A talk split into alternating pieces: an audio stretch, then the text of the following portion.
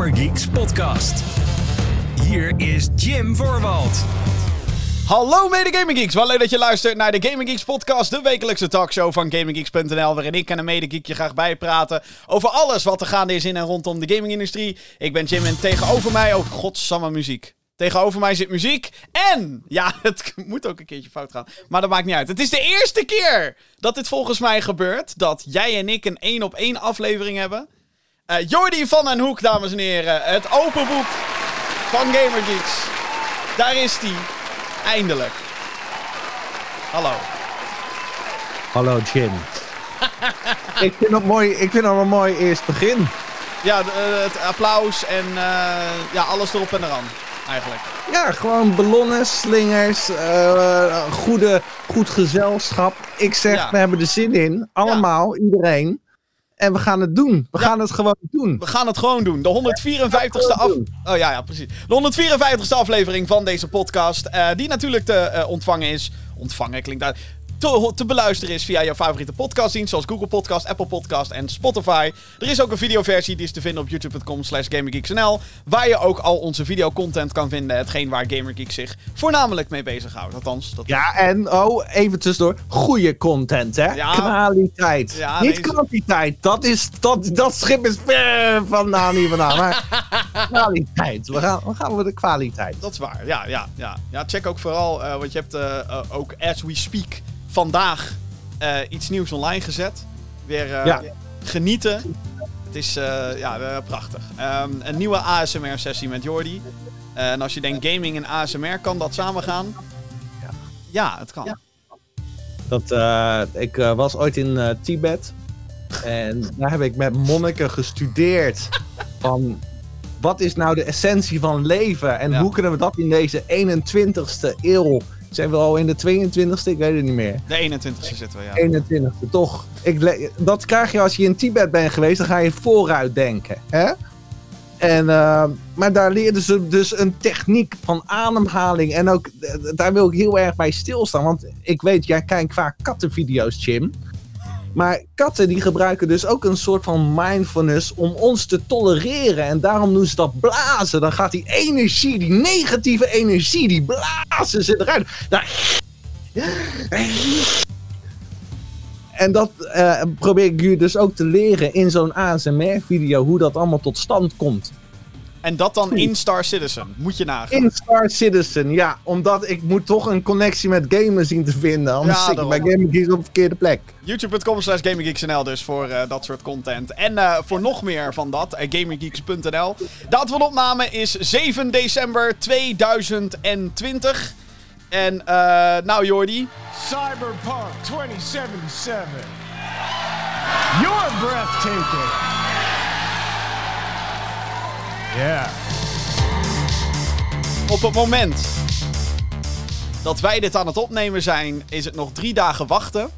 Totdat de game der games, hetgeen waar miljoenen mensen zich uh, al jaren op hebben verheugd, waarschijnlijk meer dan vijf jaar, uh, komt uit. Uh, Cyberpunk 2077. En echt een uur voordat wij deze opname starten, ging volgens mij het embargo, zoals ze dat dan noemen, van de echt belangrijke game-websites. Die, die, die, die, die ging dan weg. Oftewel, dat betekent dat ze bepaalde dingen mogen zeggen. Recensies zijn er dus. Van Cyberpunk 2077, de nieuwe actie-RPG van CD Projekt Red. De makers van The Witcher. Um, en ik denk dat het wel een goede is om een beetje te peilen. Hoe is de hype?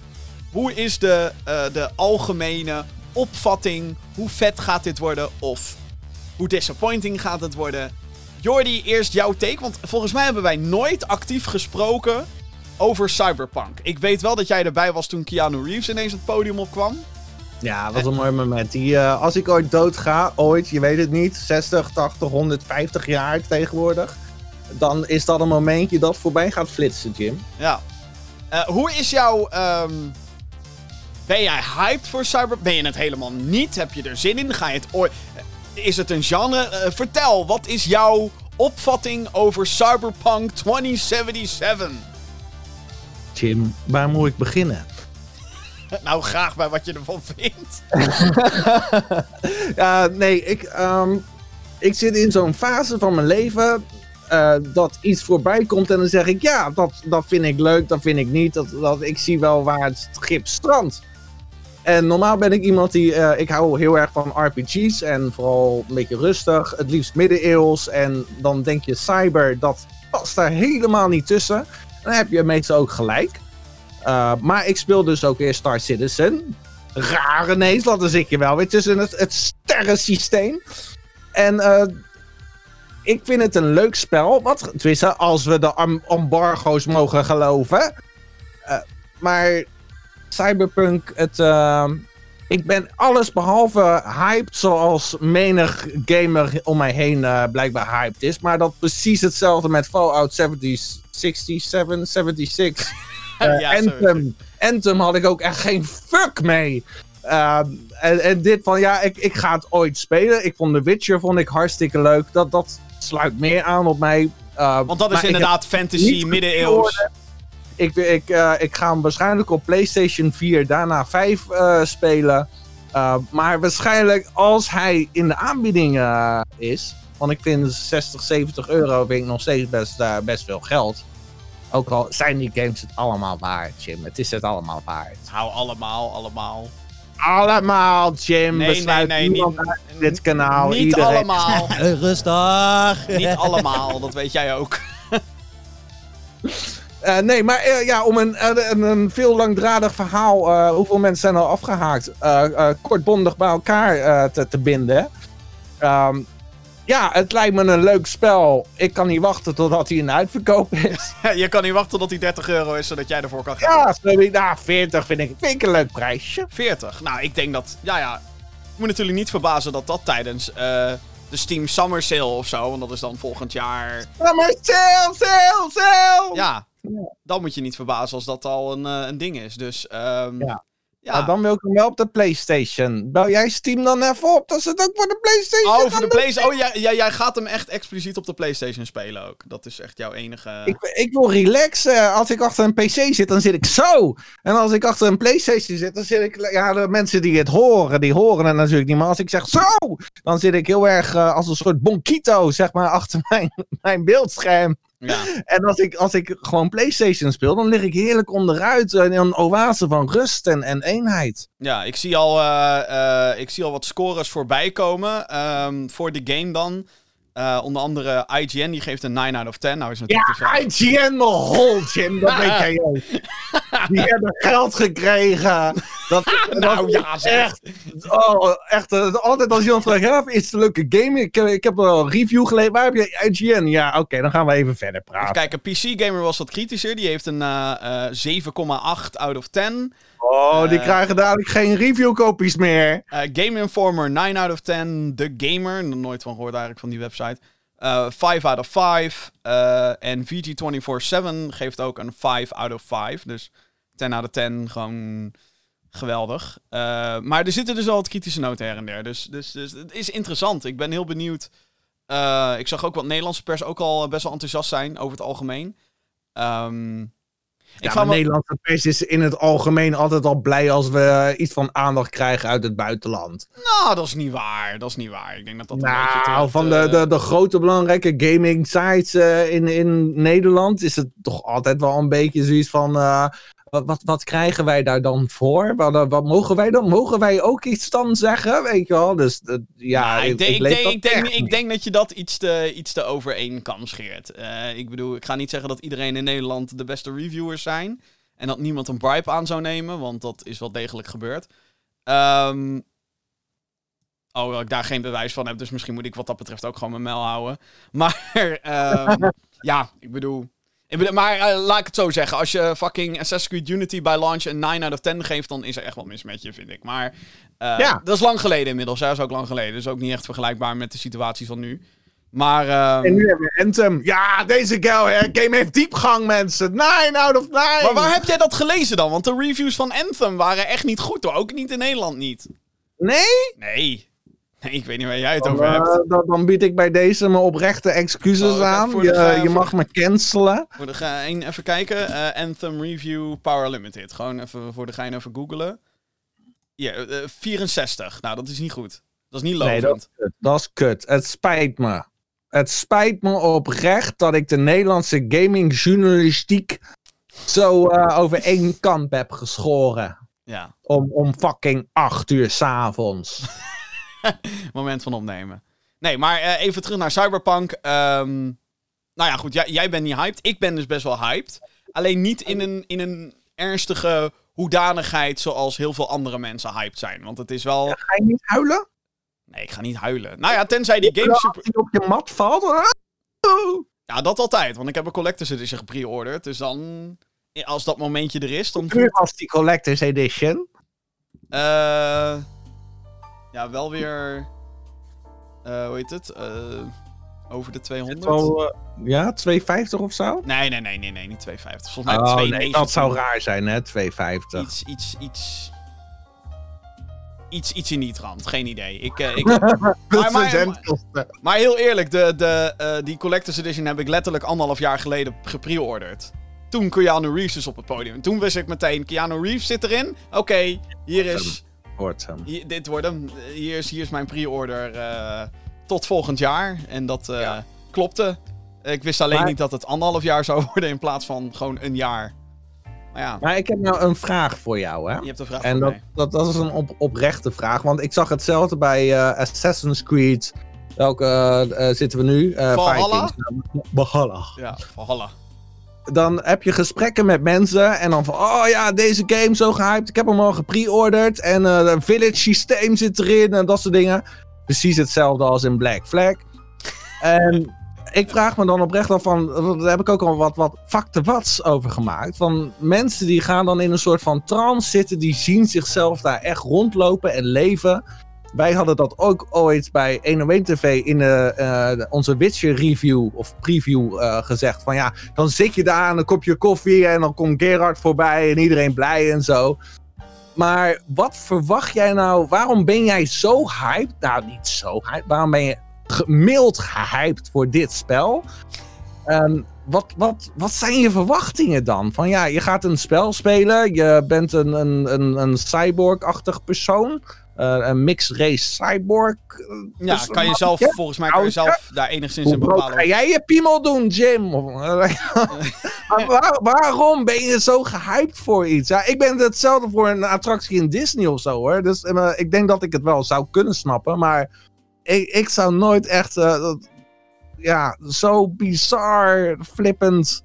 Nieuwe PC bouwen voor, voor een. Ik heb eh, niet mijn nieuwe PC gebouwd voor Nee, nee, maar ik, genoeg mensen om ons heen die dat wel eh, doen. Nou ja, kijk, de, de reden waarom is omdat eh, eh, ik denk dat heel veel mensen ook met mij zin hebben in Cyberpunk. En ik denk dat ik dan nog een van de meer sceptische mensen ben die het nog niet gespeeld hebben. Of die gewoon een hekel hebben aan alles wat populair is. Want dat heb je natuurlijk ook van die... eh, en ik ben er zelf ook eentje van hoor. Moet ik heel eerlijk zeggen. Ik ben zelf ook eentje. Oh ja, iedereen vindt GTA cool. Oh ja, GTA is zo vet. Weet je wel? Terwijl ik 180.000 dingen kan aanwijzen over wat ik kut vind in GTA. Maar goed, dat is even beside this point. Ehm, maar ehm, de reden waarom Cyberpunk mij heel tof lijkt, is omdat ik de, de stijl die Cyberpunk aanhoudt, dus echt het, hè, dat hele augmenten. We hebben wel games gezien die dat soort elementen hebben. Deus Ex is denk ik eentje die dan heel erg naar voren komt. Ehm, maar dat is dan weer een stealth game. En nou, dan denk ik, ik wil daarin mijn eigen verhaal kunnen vertellen.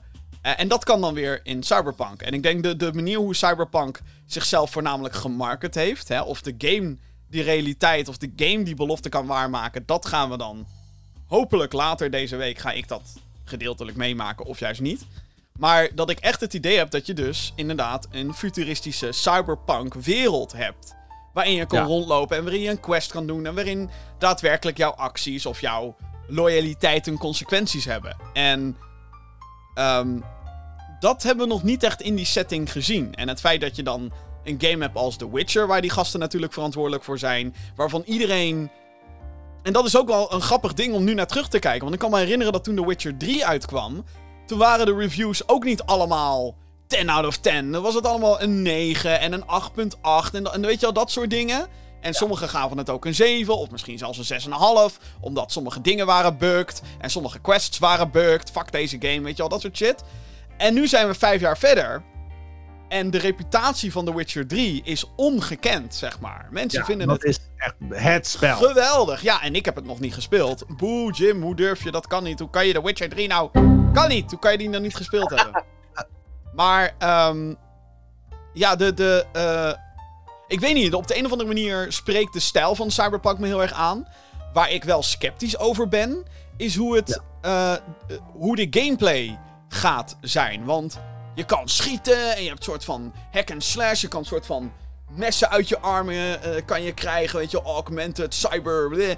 En dan denk Een ik, is dat, maar werkt dat goed? Werkt dat lekker, weet je? Want als je een schietgame hebt en het schieten is niet fijn, dan vind, zou ik, als de shooting mechanics niet goed zijn in Cyberpunk, ben ik denk ik zo'n motherfucker, of motherfucker, ben ik dan legit, ik denk het wel. Dan ben ik zo'n lul die zegt, oké, dit is niet zo goed als dat het had kunnen zijn. Want goede schietgameplay neerzetten is heel moeilijk. Er zijn hele Ja. games gewoon gewijd aan vette shooting mechanics. Doom Eternal bijvoorbeeld. Doom Eternal heeft ook een verhaal. En ja, Doom Eternal ziet er ook vet uit. Maar je kan niet zomaar de gameplay van Doom Eternal pakken en die in een open wereld gooien, bijvoorbeeld. Ehm, en Cyberpunk probeert dat natuurlijk wel. En ik ben gewoon heel benieuwd. Ik ben, ik ben gewoon echt benieuwd. Want ook al hebben we ook heel veel informatie gekregen. Een game zoals deze, daar kan je eigenlijk nooit alle info over binnenkrijgen. Eh, tenzij de opties heel beperkt zijn. En ik heb dus het idee dat we nog niet heel veel weten. En dat maakt mij dan weer heel erg enthousiast. Omdat ik dan ben, denk, oh fuck, we hebben dus heel veel te ontdekken. Terwijl bij Assassin's Creed, was een, wat een heel goed voorbeeld was van je... Zag ik de features die ze showcase, had ik zoiets van... Oh ja, oké, oké. dus elke stad krijgt hè, de drinking minigame.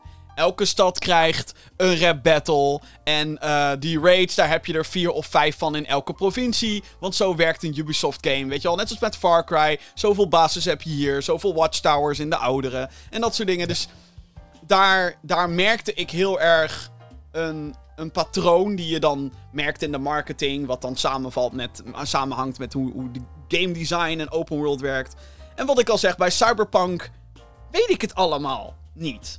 En dat vind ik intrigerend. En dat, dat, dan hoop ik dat dat betekent dat er meer in zit. Maar of dat zo is, ja, geen idee. Dat gaan we zien bij Ja. de volgende Ja, livestream. maar ik moet wel zeggen dat eh, de graphics. oh ja, het is de- een fucking mooi spel. Als het inderdaad zo is zoals het in die trailers eruit ziet. Want ook daar zijn we natuurlijk met z'n allen sceptisch over geworden. Volkomen terecht. 100% terecht. En grappig dat we Ubisoft daar net in betrokken. Maar die hebben daar natuurlijk ook echt wel wat mee te maken gehad. Met hun Watch Dogs en Division 1 trailers. Weten we dat nog, dames en heren? Lang geleden, maar alsnog. maar ehm, ja, het is, het is een game die bijna te mooi is om waar te zijn. En daarom zal alles ook niet waar zijn. Alleen, wat dan wel en wat dan niet? En dat is super interessant. Maar het is, eh, eh, ja, ik, ik, ik dik de, eh, de stijl. En ik vind het gewoon vet dat het, dat het ook schieten is. Ik heb zelf wat meer met shooters dan met RPG's. En ik, eh, ehm, de reden ook waarom ik er sceptisch over ben, is dat als je mensen vraagt over The Witcher 3, en ook als ze reviews lezen en zo, wat is er niet leuk aan The Witcher? De combat. Oh. dat baart mij dan weer zorgen. Maar ja. Meh, weet je wel? M- misschien is het allemaal niet zo erg. Misschien is het allemaal... Weet je, kijk, weet je... eh, eh, Het is uiteindelijk ook, denk ik... Een, eh, eh, games blijven altijd een smaakding natuurlijk. Want ik kan, honderd, ik kan honderdduizend dingen noemen over Assassin's Creed Valhalla... die ik niet goed vind. Maar ondertussen heb ik er al 40 uur in zitten. ja, ik... eh, En er komt geen einde in, aan. eh, want ik vind het heerlijk. En ik zit ook al rond de, de 30, 40 uur of zo dat ik Ja. eruit klok. En eh, je, je blijft spelen. De, die, die loop, die hebben ze zo perfect gemaakt. Ja, als je er is, eenmaal in zit, je, je komt er echt heel moeilijk weer uit. het is gewoon een... eh, eh, eh, ja, ik heb het al eerder omschreven in eerdere afleveringen van, van deze podcast. Maar het is voor mij mijn ultieme relax game. Ik weet gewoon exact wat ik kan verwachten van Assassin's Creed. Het heeft 0,0... Nou oké, dat is misschien te kritisch, maar het heeft niet heel veel diepgang. Dus ik heb het al lang door. Ik heb de gameplay loop door. Dus ik zit gewoon met mensen op Discord te kletsen. Ik zet een podcastje op of ik zet een stream op mijn tweede scherm aan. En ik ga gewoon lekker hè, mijn basisje doen in Assassin's Creed. Maar ik hoop dus wel dat Cyberpunk, dat ik bij Cyberpunk zoiets heb van, ik zit erin. Weet je, ik zit er echt in gewoon. Ja. En hebben ze al meer details losgelaten over de online versie? Ehm, Nee. Want er was ooit sprake van. En Ja. dat, toen hebben ze op een gegeven moment gezegd van... Hier kappen we even mee. We gaan ons focussen op de singleplayer. Dat, dat komt later. Ja. Maar daar heb ik dan weer heel veel interesse in. Dat ik denk van ja, als we nou echt gaan, het gaan hebben over een wereld waar we in kunnen leven... eh, dan lijkt het me nog interessanter om te kijken... en hoe kan ik dat dan met 50 andere mensen doen? Ja, nou, ik weet niet wat voor vorm dat gaat, zich gaat aannemen. Ik weet wel dat de multiplayer zijn ze inderdaad aan het ontwikkelen als zijnde een apart project. Dus dat... En het zal naar verluid free-to-play worden, vraagteken. Of in ieder geval gratis voor degenen die de game hebben, vraagteken. Ehm, kijk, op dit moment is het ook in zo'n ding dat... Ook al hebben ze inmiddels heel veel gezegd over die multiplayer. Hè, als in, het wordt apart. We gaan het als apart project behandelen, bla bla bla. Ik kan ook helemaal niks zeggen over of het gratis wordt of niet. Eh, al, alhoewel ze willen, dat, dat is wel hun intentie op dit moment. Ja. Ehm, ik vraag me af of dat inderdaad... Het zal niet de structuur hebben van singleplayer cyberpunk... maar dan in een multiplayer omgeving. Dat geloof ik gewoon niet. En ik denk ook niet dat dat werkt. Zie Fallout 76. En... Ja, nee, maar het is ook gewoon dat ik denk... Ja, het werkt niet gewoon. En het is... Nee. Hoe gaan ze dat inderdaad aanpakken? Kijk, als de gameplay van Cyberpunk super vet is. En je kan van alle augments en zo. Want ik zie daar wel een multiplayer mode in, inderdaad. Dat je ehm, met de verschillende gekke wapens die ze hebben. En, en hoe je characters kan aanpassen en gekke upgrades. Dat je daar dan een loadout uit, eh, loadout uit kan creëren. Om daar dan vervolgens tegen andere mensen mee te schieten en knallen en slaan. Nou ja, ook eh, straatraces. eh er was Ja. zo'n Steven Spielberg film eh, over VR een tijdje geleden. Ready Player One? Die. Och, nou, man. dat is nou echt zo'n stel dat ik denk van ja, dit zou perfect passen in zo'n eh, wereld als eh, Cyberpunk. En dan helemaal de races. En moet je nagaan dat je gewoon eh, op een terras ergens zit en er komen ineens 40 auto's voorbij. eh. Ik denk dat als ik, als ik een voorspelling moet doen over wat Cyberpunk multiplayer gaat worden, dan kan ik heel makkelijk zijn en dat is GTA Online. Maar dan in Cyberpunk. Klaar. En op een of andere manier eh, meer diepgang. Of zo. Het, eh, ik, ik vind GTA nogal redelijk oppervlakkig op vele dingen. En ik, ik hoop gewoon dat ze iets weer hebben. Waar ik zeg van, van die onaangekondigde eh, eh, eh, races ineens. Nou en ja. dat, dat, weet je wel, dat, dat, ja, dat je gewoon bezig bent met een quest en uit het niets ineens heel jouw situatie om wordt gegooid. Omdat iemand anders een gebouw aan het omhakken is. Ja. Ja, ik, ik vraag me wel af in hoe, hoe interactief de wereld kan zijn. Want ze hebben ook, daar was een tijdje geleden ophef over. Waarom daar ophef over was, weet ik niet. Maar een dingetje die ze bijvoorbeeld uit Cyberpunk hebben gehaald, ook de singleplayer, is wallrunning. Dus hele, eh, er zat eerst, kennelijk, ooit in een trailer en in wat ga- eh, eh, vroeg gameplay materiaal, zat wallrunning en freerunning. Weet je wel, dat je echt gewoon Ja. op allerlei plekken kon komen. En dat hebben ze eruit gehaald. En heel veel mensen werden daar pissed af over. Van, ja, ja, het spel, want eh, een van de waarschijnlijk duizend features zit er niet in. Ik denk van ja, misschien is ik, dat heb, gewoon... ik heb gelijk pre-order gecanceld toen Ja, ik dat nee, dat zag. dacht ik al. Ja, ja, ja. Nee, maar ik, ik kan wel begrijpen dat als het niet werkt in je design, of eh, eh, zij het je level design, zij het gewoon hoe de wereld dingen inlaat. Weet je, er kunnen allerlei technische dingen kunnen erbij komen waarom zo'n feature uiteindelijk toch niet zo'n goed idee is.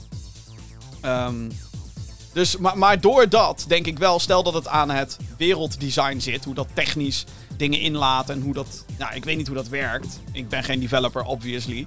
Maar ehm, ik vraag me daardoor wel af wat dan de mogelijkheden zouden kunnen zijn in een Cyberpunk multiplayer. Maar ik denk dat we daar op dit moment. Het is ook niet, denk ik, iets wat we in 2021 moeten gaan verwachten of zo. Ik denk dat die multiplayer nog minstens twee jaar duurt voordat het er is.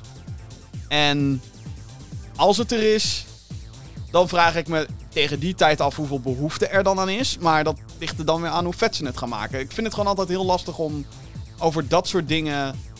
Sowieso voorspellingen doen is altijd lastig. Maar Ja. zeker met betrekking tot Cyberpunk. Want ik had.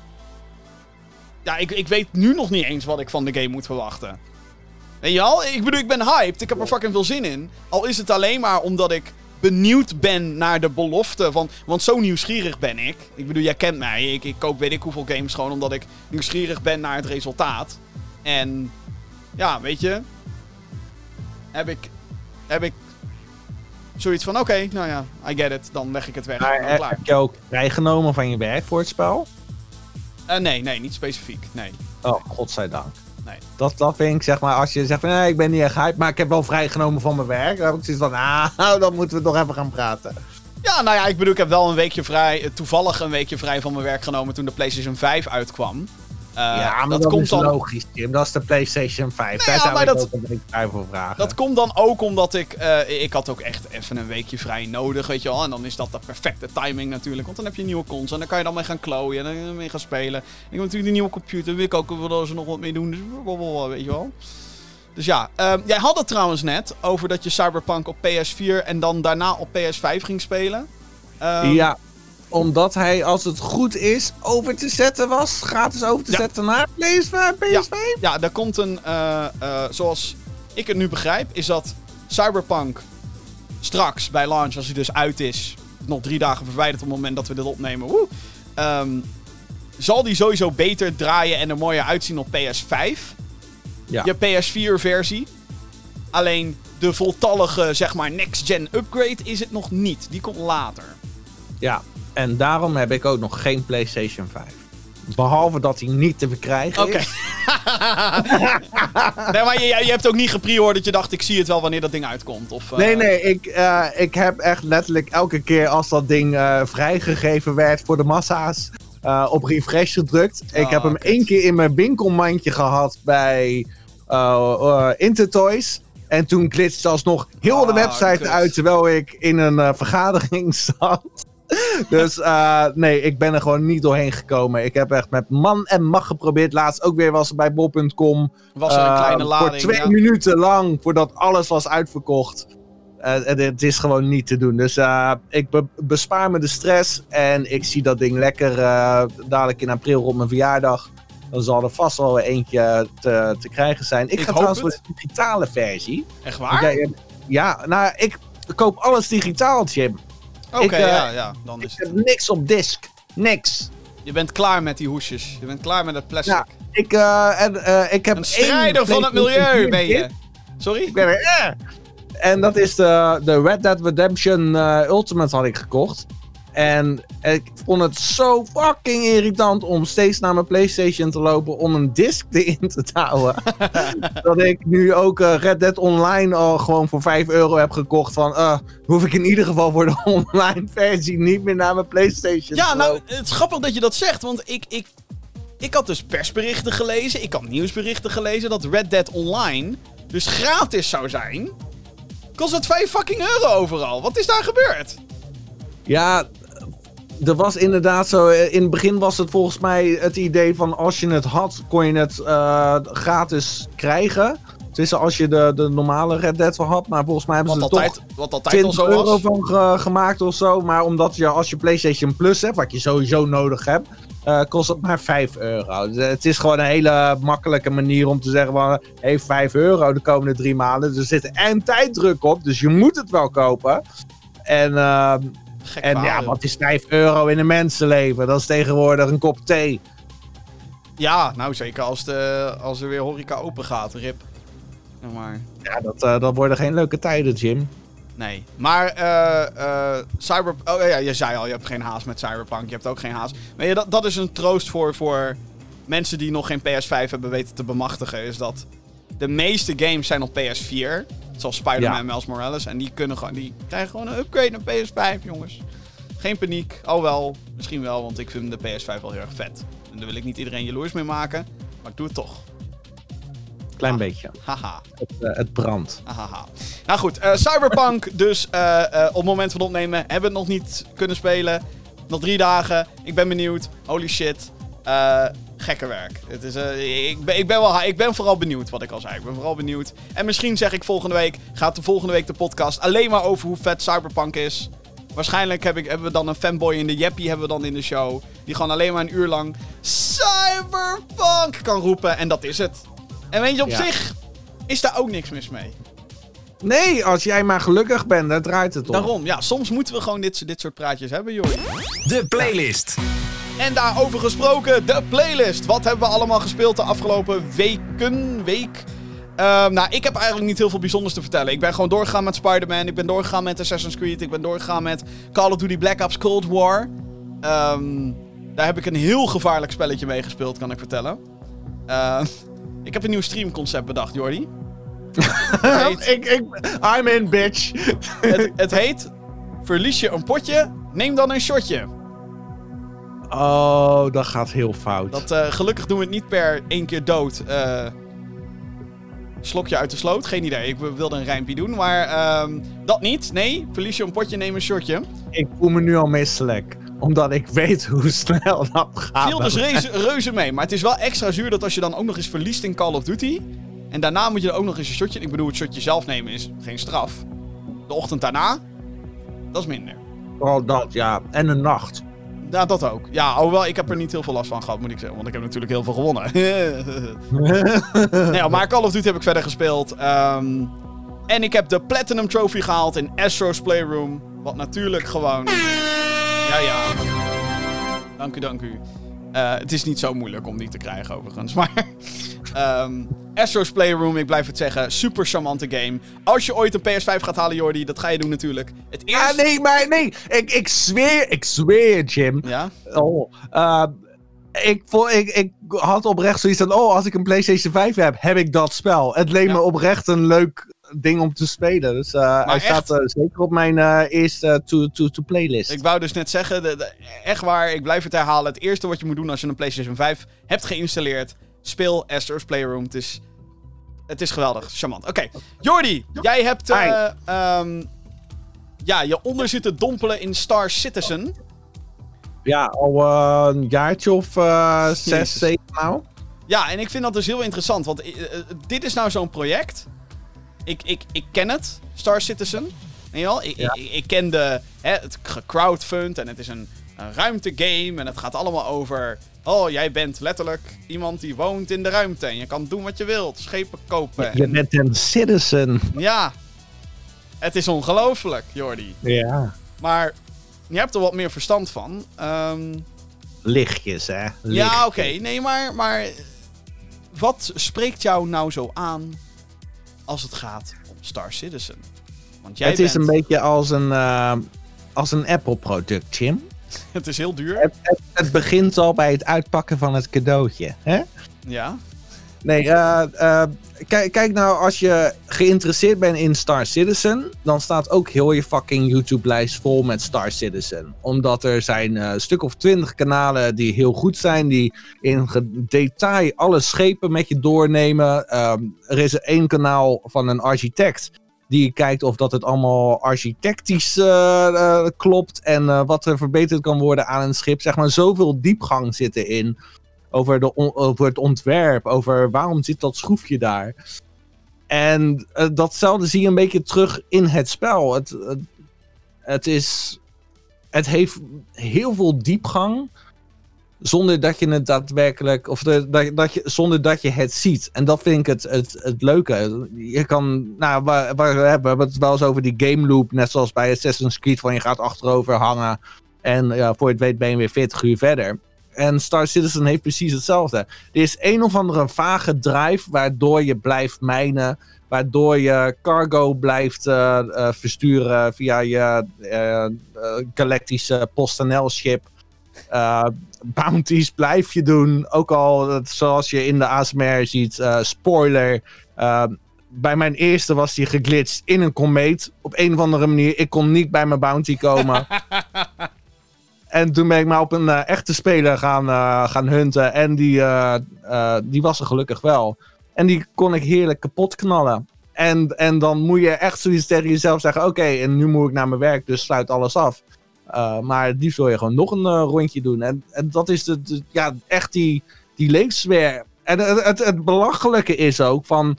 ehm, en dat is ook wat ik er niet leuk aan vind. Terwijl ze juist daarom geroemd worden het duurt een kwartier voordat je bij je schip bent. Je wordt wakker in een bed op een planeet. Dan ga je, eh, dan, eh, je gaat je appartement al uit nadat je een kop koffie hebt gezet.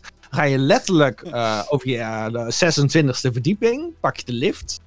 Dan gaat het real-time 100 verdiepingen omhoog of naar beneden voordat de lift bij je is. In je lift, ga je naar de begaande grond, real-time. Dan stap je uit, dan loop je over je plaza, eh, cyberpunk-achtig, loop je naar de dichtstbijzijnde metro. Dan zit je minstens een minuut in een metro real-time van plek, A naar plek B te gaan. Daar pak je dan weer een andere lift om weer bij jouw eh, eh, hanger te komen. Want die moet je natuurlijk eerst eh, aanvragen. Dan moet je nog toestemming vragen om op te stijgen. Dan gaan de deuren voor je open. Dan kan je eindelijk zachtjes eh, je, je hanger uitvliegen. Dan moet je nog in een bepaald soort hoek eh, eh, de, de zone uit. Anders overtreed je de hier mag je niet vliegen zone. Jezus. En dan ga je real life dus weer naar, in real time naar een andere planeet toe. En dan gaat hetzelfde riedeltje. De- dan kom je bij een of andere spaceship omdat je van schip wil wisselen.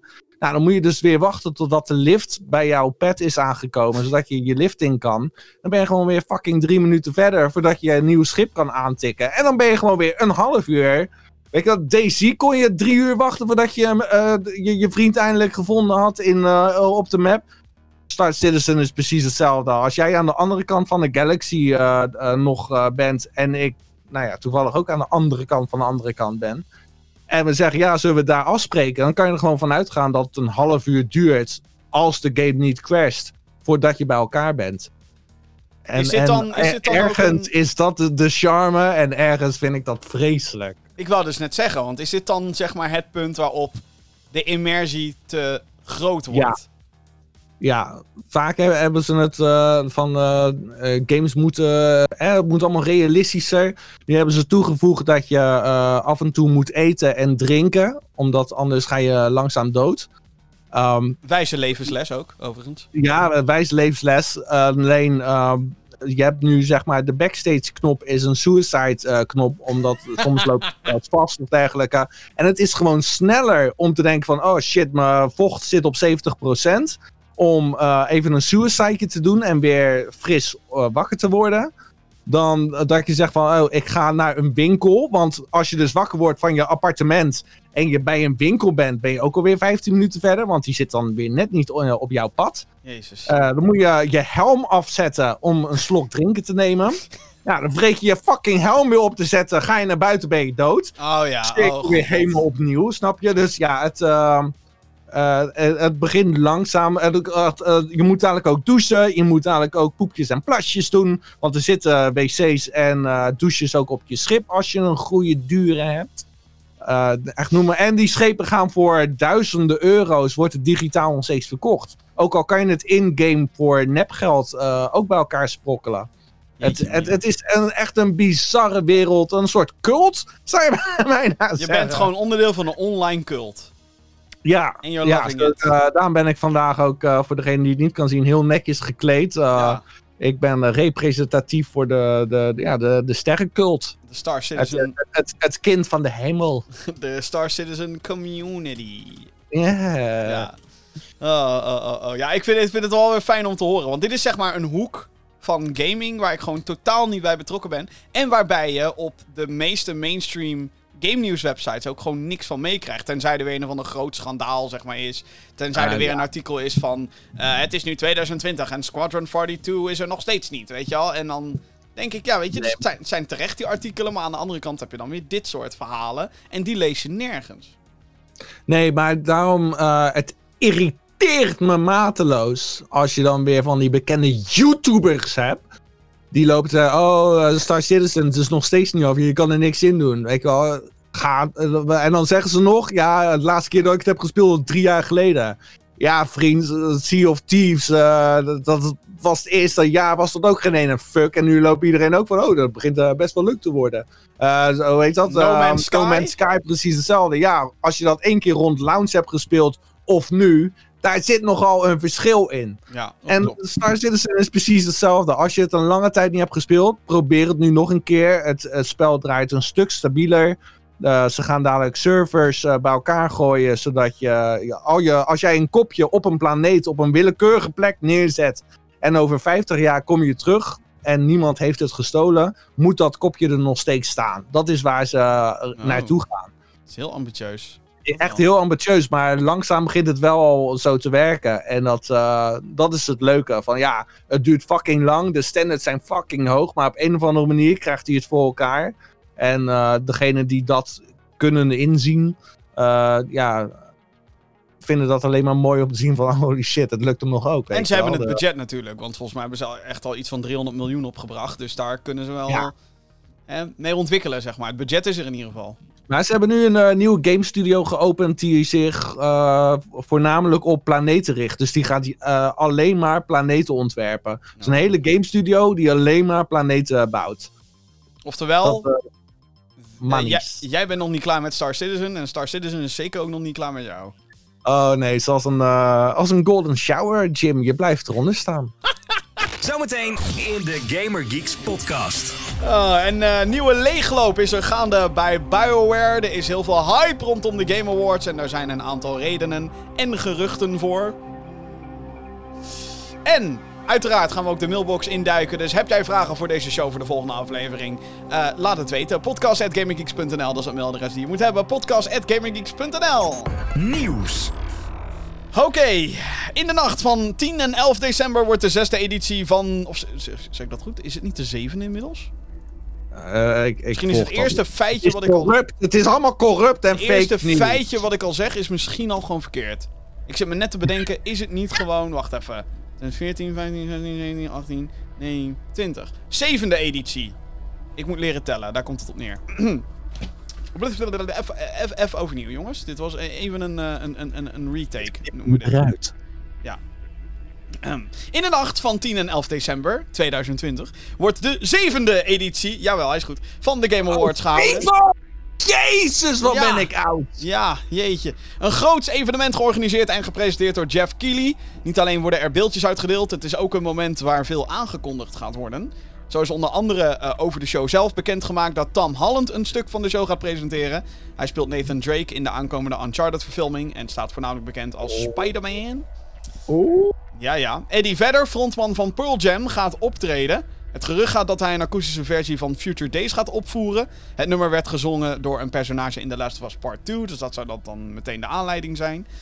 Ehm, tijdens de pre-show, jawel, er is niet alleen een show, maar natuurlijk ook een pre-show. En daarvoor ongetwijfeld een pre-show countdown van de pre-show, countdown van de countdown van de pre-show. Eh, tijdens de pre-show komen er vijf zogeheten world premieres. En krijgen we een blik op het nieuwe level voor Among Us. Eh, althans tijdens de show, een van de grote multiplayer hits van het afgelopen jaar. De genomineerden voor Game of the Year zijn Animal Crossing New Horizons, Doom Eternal, Hades, The Last of Us Part 2, Ghost of Tsushima en de Final Fantasy VII Remake.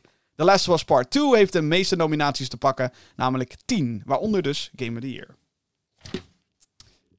Ja, de Game Oké, Awards, nou, volgend nieuws. Ja. nou, eh, één leuk ding. nee, maar even van die, van die games. Wie, wie denk jij dat Game of the Year gaat pakken? Of welke zou je willen... willen dat Ghost of Tsushima. Oké, nou, dat is, ja, dat is een goeie. Dat is een goeie, toch? Ik vind Ja. het wel. Ik, vind, nou, ik denk ook dat dat een oprechte kanshebber is. Omdat dat... De meeste mensen vinden dat gewoon een hele vette game. Ja, maar die gaat niet winnen. Wie, welke denk je dat er gaat winnen? Last of Us. Oké. Geld. Dat is allemaal omgekochte bullshit, Gaat hij weer hoor, met zijn fucking... Het is, het is woke, het is omgekochte bullshit. Het Oh, is, eh, nee, dat, eh, dat, eh, het, we kennen het heel het riedeltje. Net als de Oscars. Iedereen, oh, wat, wij, wij hier, ja, wij hier, oh, wij hier. En, ja, Oké. ja. Deze man.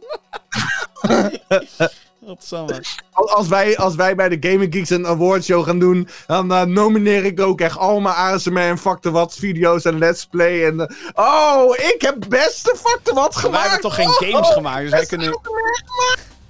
Wij hebben geen games gemaakt, dus wij kunnen, we niet, wij kunnen niet echt onze eigen Nee, maar producten... wij maken dan een video. Gaming Geeks video. Oh, de Gaming Geeks Video Awards. Over de Ja. Gaming Geeks video's. Ja. Beste Nintendo item op locatie. Oh, god, daar gaan we weer. Oh nee. Pittig baal. Beste gaming podcast gaat naar de Gamer Geeks podcast. Nou ja. Oh, ja. zo goed. Overigens, eh, leuk nieuwtje is dat wij eh, officieel, kan ik nu zeggen, want ik heb een mailtje van Jeff Keighley in mijn mailbox, verdomme. Totaal geen goud. Persoonlijk, hè? Persoonlijk. Persoonlijk, naar mij geadresseerd. Totaal niet in een, in één grote groepsmail, maar eh, natuurlijk wel. Maar eh, wij zijn, en ik mag het zeggen, want het staat in die mail, official co-streamer of the Game Awards. Oh, Ja, ja. ik druip. Jezus. Ja, ja, dus we gaan, eh, we gaan het livestreamen, eh, uiteraard. Eh, ik ga eh, reageren en ehm, ja, ik, ik ga waarschijnlijk zeggen, nee, niet terecht. Nee, nou dag, wat een boete. Waarschijnlijk wordt dat een beetje de...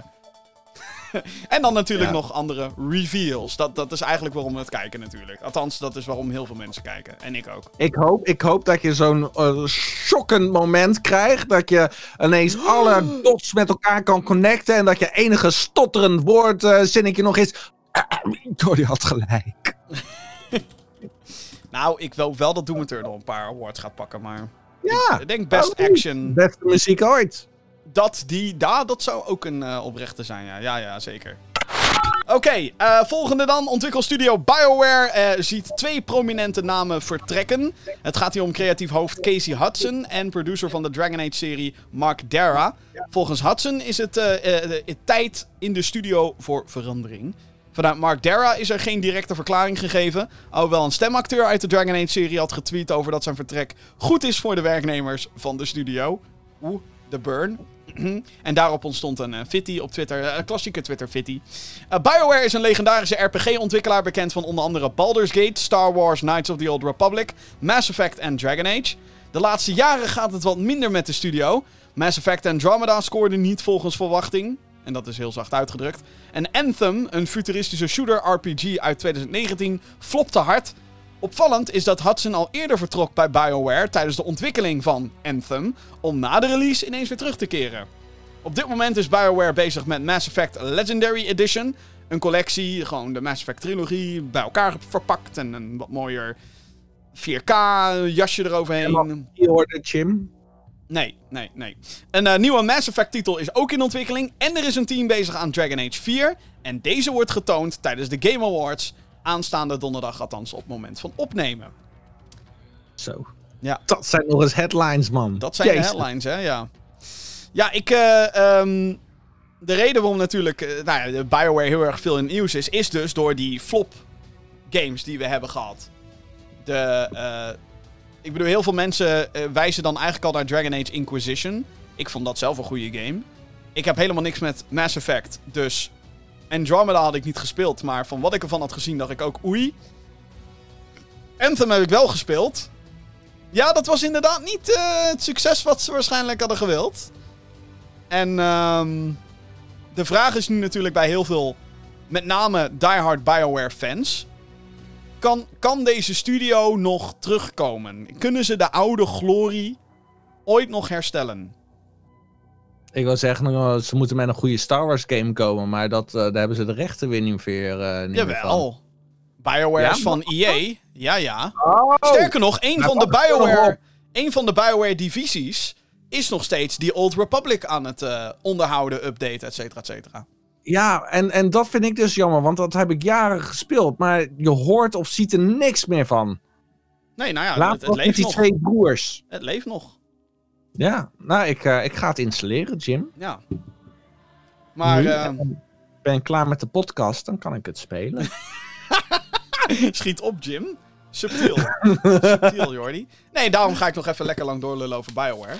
Ehm, Nou ja, ik ben benieuwd waar ze mee gaan komen. Ik bedoel, inmiddels zou je denken dat we in ieder geval een naam krijgen voor de nieuwe Dragon Age. Maar aan de andere kant is het misschien ook handig voor hun om niet Hadden te... ze, even, even, ik breek je af. Ja, dat, nee, eh, dat dat- ik breek in je midden in je zin, dat is niet aardig.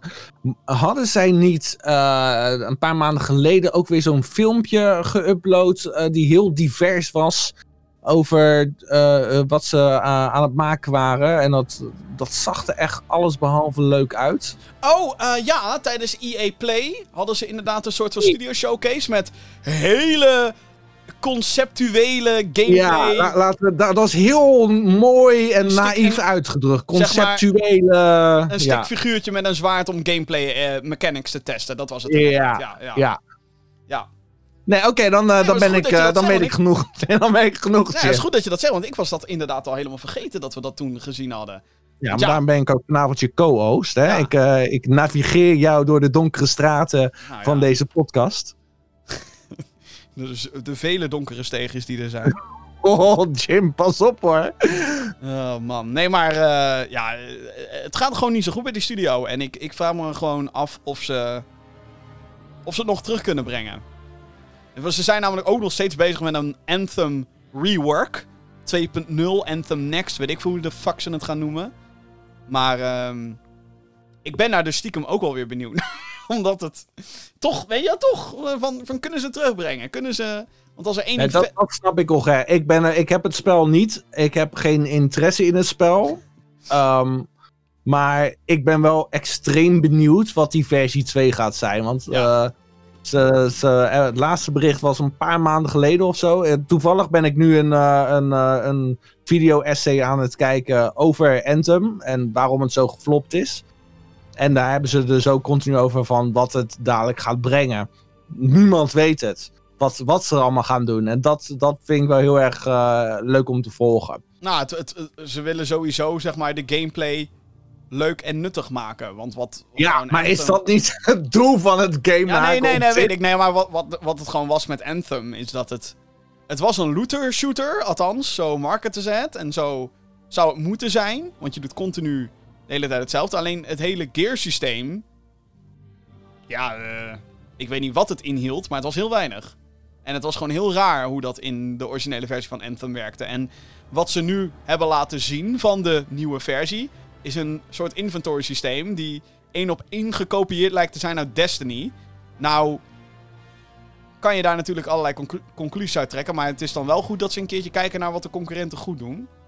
Dus dat, dat is dan misschien iets wat goed is of zo. Heb jij eh, Destiny gespeeld? Eh, nee, heel kort. Wat, Toen- eh, toen het wat uitkwam. was je hele korte reactie daarop? Eh, nou, mijn hele korte reactie op Destiny 2. En dit is toen het uitkwam, dus ook al een paar jaar geleden. Ehm, maar ja, ik vond de, de, de, de, de, de wereld vond ik wel tof. Maar ik vond gewoon de, eh, de storyline pakte me niet. En de, ehm, het was voor mij niet duidelijk wat ik nou moest doen of zo. Ja, ik snap het guys kapot schieten, dat maar... probleem had ik dus ook. Ik heb eh, Destiny 1 een tijdje gespeeld. En hè, wat ik zeg van de omgeving vond ik geweldig. Schietelementen waren leuk. Maar op een gegeven moment, ik, had, ik, ik wist letterlijk niet wat mijn volgende quest ging zijn, hoe het werkte. En ze wilden dat ik met andere spelers zo'n eh, zo'n grot inging of zo. En toen wist ik al gewoon, dit is niet mijn spel. Nou, ik, ik ben, ik, dit- dat is nou, Destiny is nou ook zo'n, echt zo'n game waarvan ik denk, oké, ik wil dat wel een keertje echt een keer gaan oppakken. Maar er komen natuurlijk alleen maar meer expansions bij. En dan lees ik allemaal dingen als, dit stuk content hebben ze eruit gehaald. En dit, dit stuk content komt erbij. En, dit is, en dan denk ik, eh, maar wat de fuck, waar moet ik nou beginnen als ik stel dat ik straks die game opstart? Waar de fuck moet ik dan beginnen? En het feit dat ik Nou ja, die vraag nu al heb. free-to-play als het goed is. eh, ja, de basic game is free-to-play, ja, klopt. Dus wij zouden nu live Het zou kunnen, samen in theorie zou het in kunnen. theorie Ja, hem kunnen gaan spelen. ja, dat zou kunnen. Ja, gaan we niet doen. Maar het zou wel leuk zijn, hè? Ja. Nou ja. 2021. Dan gaan Op we, een jongens. Op een, op een dag in 2021 dus. Anyway, eh, het lijkt erop dat we iets te zien gaan krijgen van The Wolf Among Us 2 tijdens de Game Awards. Ja. Een gebruiker op Reddit heeft namelijk een afbeelding gelekt, beweert hij. Die lijkt op een titelkaart van de game. Zeg maar wat je aan het einde ziet van zo'n, van zo'n trailer. Ehm, en ja, dat is natuurlijk, eh oeh, weet je al, geruchten, let's fucking go, weet je al, super interessant. oeh. De release date die staat volgens de afbeelding gepland voor winter 2021 voor PC, PlayStation 4, PlayStation 5, Xbox One en Xbox Series X. Het eerste seizoen van The Wolf Among Us wordt gezien als een van de beste games van studio Telltale. Een paar jaar terug ging de studio failliet, maar werd opnieuw leven ingeblazen dankzij onder andere Warner Brothers Interactive, die ook The Wolf Among Us 2 uitgeeft. Dat was allemaal al bekend. Ehm, overigens werd The Wolf Among Us 2 ook tijdens de Game Awards onthuld een paar jaar terug. Dus is het zeg maar nog meer logisch dat we dan nu een eerste full trailer te zien krijgen, bla bla bla, tijdens de Game Awards. Dus dat klinkt allemaal logisch. 1 en 1 is 2. Ehm, dus ja, Wolf Among Us 2 krijgen we dus waarschijnlijk eh, wat meer van te zien. Jij was. eh, ben je je Het over. eerste wat ik vandaag naar je toe WhatsAppte was Jim, 21. Hij komt in de winter. Ja, Ja, nee, het is een. Telltale, eh, ik heb een fase gehad in mijn leven zoals ieder kind dat ooit heeft gehad. dat, je, dat je ineens allemaal Telltale... Ik heb de Batmans uitgespeeld. Ze waren allemaal hapbaar. De Minecraft-versie heb ik ook gespeeld. Seizoen 1 en 2. Oh, oké. En ik vind dat echt heerlijke games om te spelen. En ik wist niet wat Wolf Us was. Ik dacht dat het een horrorachtig iets was met misschien een weerwolf of zo. Maar het bleek gewoon een hele sprookjeswereld verstopt te zitten in een, een normale wereld. En eh, ja, die sprookjes moeten maar gewoon overleven in hedendaagse dag. Oh, dat. En ik had het allemaal niet verwacht. En het was echt zo'n spel dat je denkt van... Holy shit, wanneer komt seizoen 2, 3, 4 en 8? En wanneer kan ik het allemaal pre-orderen? Dit, eh, ja, dit biggetje kreeg een staartje voor mij, hè? Oh jee. Nee, dat, eh, ik, eh, ik ben heel geamuseerd door dit spel, Jim. Oké. Dus dit is Ik wel ben echt, meer eh, gehyped voor dit spel dan voor Cyberpunk. Cyberpunk. En, maar dat moet ik ook zeggen, de prijzen zijn ook gewoon leuk. Voor een spelletje. Ja. 15 euro of zo voor, voor alle seizoenen. Eh, ja, ligt er een beetje aan wanneer je het haalt ook, volgens mij. Ik denk dat als je alles bij elkaar optelt, dat je dan wel gewoon 40 euro per seizoen kwijt bent. Maar Ja, zeker nu, weet je wel, die games zijn ook allemaal wat ouder. Dan, eh, dan eh, wil het wel, zeg maar. ja, nee, maar het is echt eh, als je gewoon een. ehm, eh, ik had wel op een gegeven moment met al die games dat ik zoiets had van. Ja, ik zit in het verhaal, maar de knopjes indrukken, dat haalt mij uit het verhaal. Oh, Laat ja, mij ja. maar gewoon lekker het verhaal kijken. Dat je gewoon liever zoiets hebt van, maak er nou maar gewoon lekker een Maar animatiefilmpje ja, van. maak er maar gewoon een lekker een let's play van. Ik kijk wel, ik Ja, wel. ja, want, jij eh, zou het liever willen zien als zo'n, wat je vroeger had bij die dvd's, dat je zo'n keuzespel had. Van, oh, ga ik naar links of ga ik naar rechts? En al? Op sommige Ja. dvd's had je En dat. dan, en dan halverwege erachter komen dat je helemaal de knopjes niet meer in wilt drukken. En dat je gewoon wil kijken hoe het verhaal verder loopt. Oké, ja, ja, ja. ja. Dat, eh, die sfeer zit ik. Oké. Ja. Nou, het is wel, wel, wel leuk. In- interessant. Interessant, interessant. Volgens website Deadline is er een acteur gevonden die Solid Snake gaat spelen in de film Metal Gear Solid. Dus de verfilming van de game, joh. Volgens Deadline's bronnen zal Oscar Isaac de bandana opdoen in de film gebaseerd op de stealth actiegame uit 1998, die toen de tijd uit- uitkwam voor de originele PlayStation, die gezien wordt als het meesterwerk van game designer Hideo Kojima. Oscar Isaac kennen de meeste mensen van zijn rol als Poe Dameron in Star Wars The Force Awakens, The Last Jedi en Rise of Skywalker. I am the spy. Ja, dat was hij niet. Ehm I knew it! I knew it! No, you didn't. Disney humor. Sorry. Fuck Rise of Skywalker. Uh, hij speelde ook uh, Apocalypse in X-Men Apocalypse. En zal ook te zien zijn in de aankomende Dune-verfilming. Jordan, uh, Jordan Vogt Roberts, ik hoop dat ik dat goed uitspreek, die zal de Metal Gear Solid film regisseren. Zijn bekendste werk is Kong Skull Island, de tweede in een serie van monsterfilms die volgend jaar moet leiden tot Godzilla vs. Kong. Dus ja, Oscar Isaac als Solid Snake, ik denk een hele goede keuze. Ja, ik, Persoonlijk. eh, ik ben voor. Ik ga die film eh, kijken in mijn woonkamer. Als hij op eh, Disney, Netflix, Hulu plus je, je Eh, ja, Prime... Max, HBO Max. Ja, ik ga, dan, eh, ik, ik ga dan wel naar de bios. Ik ben dan wel benieuwd. En dan zeker als iemand die Metal Gear Solid... Ik weet het, ik moet me kapot schamen. Hoe durf je, Jim? Oh, wat erg! Maar ik heb Metal Gear Solid nooit gespeeld, dus... ehm. Ja, ik, eh, ik kwam er nooit doorheen. Ik heb die eh, Phantom Pain heb ik, eh, gespeeld. Nou ja, dat is deel 5, ja. ja. Ja, ik, ik kwam er niet doorheen op een of andere manier. Het, het zou wel aan mij... Het ligt vaak aan mij. Maar, Dat, dat klopt, ja. Dat deze, klopt. nee. Maar de- nu ik weet dat er een film aankomt en hij zit erin, ja, ik, ga- ik ga wel op de bank liggen. Nou ja, goede casting kan echt wel heel veel helpen aan een project, denk ik. ik denk Ja, je- dat had ik dus ook met Tom Holland en Uncharted. Want eerst had ik zoiets van, ah, dat is zo'n klein mannetje. Maar dat kleine mannetje is tegenwoordig ook al een stuk volwassener. En eh, als je de setfoto's ziet dat hij in kleding, zeg maar, het ziet er best wel goed uit. Dat ik denk, ja, als, dit, eh, als hij op Ja. wat jongere leeftijd begint in het verhaal... en we kunnen daardoor nog zes delen maken, sign me up. Dat is natuurlijk wat ze willen. Daarom hebben ze ook Tom Ja. Holland natuurlijk gecast. Ik ga, het wel, ik ga het wel kijken. Mijn vriendin ook. Dus, eh, Ik ben heel leuk. benieuwd naar Mark Wahlberg als Sully. Dat is alleen een castkeuze in Uncharted. Ga hij dat doen? Ja, Eh, Kijk, daar gaat het bij mij dus alweer fout. Cancel. Ja, dat, dat was het. Doei. Maar ik had echt nou 120 andere mensen uitgekozen. Wie had jij gekozen als eh Sally? ik, ik heb me daar nog niet in verdiept, verdomme. Maar dat- als je zegt Mark Wahlberg voor Solly, nee, dat is echt het laatste waar ik aan ga denken.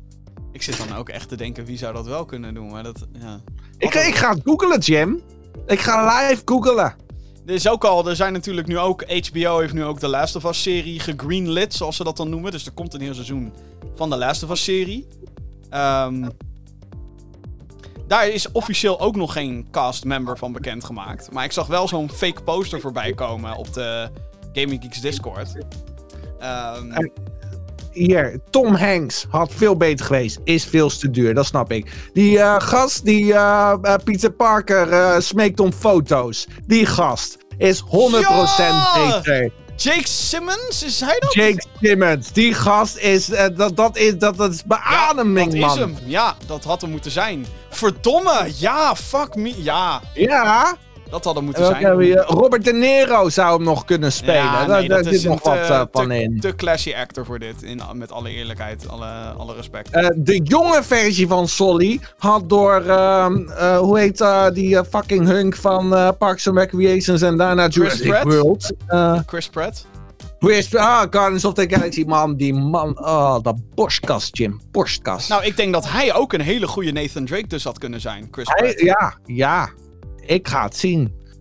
Maar eh, nee, eh, Mark Wahlberg, ik zie nu foto's met een snor. Ja, Het is wel echt Ik, een eh, beetje cosplay, eh, weet je, zo van... eh, Ja, altijd is zo'n zo'n cosplay dat je denkt van lieverd, doe maar weer gewoon normale kleding aan. Die gaat hem niet worden. Over eh The Last of Us dus zag ik dus zo'n fake poster voorbij komen. Waarin Nikolai Caster Waldo, en als je denkt wie de fuck is dat, Jamie Lannister uit Game of Thrones, dat die dan Joel gaat spelen. Toen dacht ik, dat zou een fucking goede keuze zijn. Ja. Ja, dat zou ik zo zien gebeuren. Maar persoonlijk denk ik, waarom doe je niet gewoon Troy Baker? De guy die die stem heeft gedaan. Heb jij de eh, fanfilm wel eens gezien van Uncharted? Zeker, met eh, Nathan Fillion als... eh, Oh man, die was fucking intens. Zo goed, zo goed, ja. Kan je gewoon checken op YouTube een, een, ja, een, een fan-created short film. Gebaseerd op Ja. Uncharted. En dan denk je, oh, dit is wat we moeten hebben. Maar dan hoger budget en meer actie en meer... Tranen in mijn ogen. Ja, Echt was waar. heel, heel erg, heel erg goed gedaan. Ja, ja, jammer dat ze niet voor die richting zijn gegaan, maar... Ja, eh, afwachten dus. Maar goed, er komt dus ook een Metal Gear Solid film aan. Met Oscar Isaac, Poe Dameron. Eh they fly now! They fly now! In, eh, in de hoofdrol. Hartstikke leuk. Over videogame verfilmingen gesproken. De Monster Hunter film is uit de bioscopen in China gehaald. nou, dan heb je wat gedaan, hè? Dan weet je het. Dan heb, dan, dan heb je iets heel erg misgedaan. Ehm, wat is er aan de hand? Nou, dit, dit is echt een drama van eh, heb ik jou daar. Ehm, ik heb het jou ook al... oh, nee, jij hebt de grap zelfs me opgezocht. Ik, komt helemaal goed. ja, nee. Want de reden waarom dus die film uit de bios is, is, is gehaald... is omdat er dus een, een grapje verwerkt zit... In, in de film... die dus racistisch gevonden wordt... door Chinezen. En de grap, die wordt gemaakt door een Aziatisch personage. En die zegt dus: Look at my knees. These are Chinese. Dat is de Ja. grap. Nou, daar waren mensen in China dus kennelijk beledigd door. Nu wordt die film uit bepaalde bioscopen gehaald. Het eh, Chinese publiek is boos. Die zeggen met z'n allen: fuck deze film. Fuck, fuck, fuck, fuck, fuck. Weg met deze shit. En het lijkt er dus op dat eh, Capcom heeft inmiddels ook al zijn excuses aangeboden. Dus ik denk sowieso dat die zin uit eh, de releases wordt gehaald. En dat ze dus heel politiek gebeuren. Ehm, gedoe daar dus. De Monster Hunter film is de tweede game franchise die wordt verfilmd door Paul W.S. Anderson. Eerder werkte hij aan de Resident Evil filmserie. Mila Jovovich, die ook in eh, de Resident Evil films de hoofdrol speelde, is ook het hoofdpersonage in Monster Hunter. Die twee zijn overigens met elkaar getrouwd, zal geen toeval zijn. Monster Hunter draait nu ook in de Nederlandse bioscoop overigens. En is dus gebaseerd op de game Monster Hunter, mag duidelijk zijn, denk ik. En ga jij hem kijken? Ja, denk het wel. Eh, ik, ben al een het tijdje, ik ben een tijdje al niet meer naar de bioscoop geweest. En ik heb nog steeds mijn bioscooppas. Dus ehm, ik denk, ik zal waarschijnlijk in mijn eentje moeten. Maar dat maakt niet uit. Eh, ga ik daar gewoon lekker zitten genieten van waarschijnlijk een shitty kutfilm. Ik neem een grote Ja. zak popcorn mee, laat ik het zo zeggen. Zo'n... Denk je dat dit zo'n gevalletje wordt van... eh, hij komt op het lijstje met eh, gamefilms die te slecht zijn om het woord game en film eh, te beamen? Nou, ik denk niet dat hij... Ik denk dat dit gewoon... Van wat ik heb gezien nu ook, zijn gewoon een paar dudes die beginnen als militair en dan uiteindelijk in een fantasywereld terechtkomen of zo. En dan krijgen ze de zwaarden en, en gekke wapens en magie uit de games. En het zijn allemaal van die grote monsters die ze dan kapot moeten maken. Ik denk dat het een, een hele slappe, maar toch vermakelijke actiefilm wordt. Weet je wel? Gewoon zo'n... Een beetje zoals Rampage met Dwayne Johnson. Ja, dat je denkt, welke film ook alweer? Ja, het was gewoon een film met Dwayne Johnson en grote Ja. monsters. Toevallig ook gebaseerd op een game. Rampage, arcade game. Ehm hè, zo'n... zo'n Zo'n, een beetje zoals Fast and Furious. Je gaat niet op zoek naar diepgang. Je gaat niet op zoek naar diepe en intelligente scripts. Nee, je gaat gewoon zitten. Je gaat gewoon genieten. En misschien is het wel echt heel slecht dat je gewoon denkt... Oei. Ik bedoel, als ik dan ook de grap lees, laten we eerlijk zijn. Look at my knees, these are Chinese. Dat zijn ook wel... Het is ook een hele... Ik denk dat die Chinezen gewoon eerder beledigd zijn om het feit dat het een hele fucking slechte, domme grap is. Dan dat het racistisch maar moet je nagaan, als, als eh, Deadpool deze grap zou maken, hij blaast iemand op die toevallig Chinees is. Hij pakt die Dan? knieën en hij, hij houdt hem voor zich en hij, hij bungelt ze nog. Look at my knees, these are Chinese. Dat zou fucking hilarisch zijn. Dus Ja, het is de context van de grap. Ja, ja misschien was het Ryan Reynolds een natuurlijk. slechte context, maar ik, ik, je kan er wel wat mee. Er zit, er zit iets in die zin. Er zit Jim. een kern in die... Ja, oké, er zit Er ergens kern zit er in een, die, die, die, die kan grappig zijn. Het, het is een woordgrap die ik misschien ook zou maken in andere omstandigheden. Maar dan wel, maar dan, ik, weet- ik weet niet of ik dan per se over een ras een grap zou maken. Maar goed, dat ben ik dan weer. Misschien ben ik daar dan weer te woke voor of zo, ik weet het niet. Maar ehm, als ik zeg maar moet uitgaan van deze grap waar nu heel veel ophef over is. Als dit zeg maar hetgeen is wat mensen opschrijven over die film. Dan weet ik niet of dat een goed teken is. Dus eh, ja, waarschijnlijk ga ik hem wel kijken, joh. Ik bedoel, waarom niet? Ik, kan- ergere dingen doen met mijn tijd. YOLO! Ja, YOLO. Oh, wel, weet je, als, als Cyberpunk straks uit is... Hmm, hmm. Geen tijd meer. Die jongen Ja. zit vast. Ik bedoel, ik heb nu al bijna geen tijd meer. Dus, ja. Ik ga nu ineens heel mijn schema overwe- heroverwegen. Nou, maakt, maakt niet uit. Monster Hunter film nu dus in de bioscoop. In de bioscoop. Ja, in de bioscoop. Community is rondom Super Smash Bros. en Splatoon. Die zijn boos op Nintendo. Jawel, Nintendo heeft weer mensen boos gemaakt. Oh, Nintendo, doe dat nou gewoon eens een keertje niet. Maak nou gewoon mensen eens een keer tevreden. Waarom moet... Maar dit is echt weer zo typisch... net. Nou goed, ik, ik doe wel eens het nieuws. En daarna gaan we erover, eh, ga ik erover ragen. Communi- communities rondom Super Smash Bros. en Splatoon die zijn dus boos op Nintendo. Afgelopen maand werd namelijk een online toernooi van communitygroep Big House 4 geannuleerd naar aanleiding van een dreigement van Nintendo of America. In deze toernooien worden namelijk emulators en mods gebruikt om bijvoorbeeld Super Smash Bros. Melee online tegen elkaar te kunnen spelen. De organisator van het toernooi kreeg een cease and desist, wat in feite inhoudt: hou op, of anders sturen wij onze advocaten naar je op en ben je juridisch gezien de lul. Als reactie hierop greep de Splatoon, of eh, ja, dat zeg ik goed, de eh, eh, Splatoon community greep in. Vele teams die mee zouden doen aan een online toernooi, georganiseerd door Nintendo zelf, gingen de term hashtag FreeMelee gebruiken in hun nicknames, om zo hun support uit te spreken voor de Smash community. Die had zoiets van, Nintendo, wat de fuck doe je? Hashtag FreeMelee. Laat mensen gewoon lekker online die Super Smash Bros. Melee spelen. Het is een 20 jaar oude game, weet je al. Waar zeiken jullie over? Nou, Nintendo heeft nu ook het officiële Amerikaanse toernooi afgeblazen. Wat natuurlijk voor nog meer ophef eh, zorgde in de verschillende communities. Dus in plaats van dat Nintendo de boel aanpakt en zegt: Nou jongens, ehm, we willen gewoon liever niet dat dit gebeurt. En dat hebben ze ook gezegd. Ze hebben een statement naar buiten gebracht van: Hey, we willen niet dat er illegale copies worden gebruikt voor het spelen van toernooien. Oké, I guess. Ehm, maar om dan ook meteen dat Splatoon-toernooi te cancelen. Oei. Maar dat dat is- zo'n driftbui. Ja, nou, dat is dus wat er nu aan de hand is. Dus nu, eh, in plaats van dat Nintendo de boel aanpakt, zeggen ze gewoon... Fuck it, gaan de teams moeilijk doen, cancelen het hele toernooi. Weg, weg ermee. Weg. Alles weg. Is Nintendo terecht hier of niet? Eh, Nou, ik, ik herken het gedrag wel.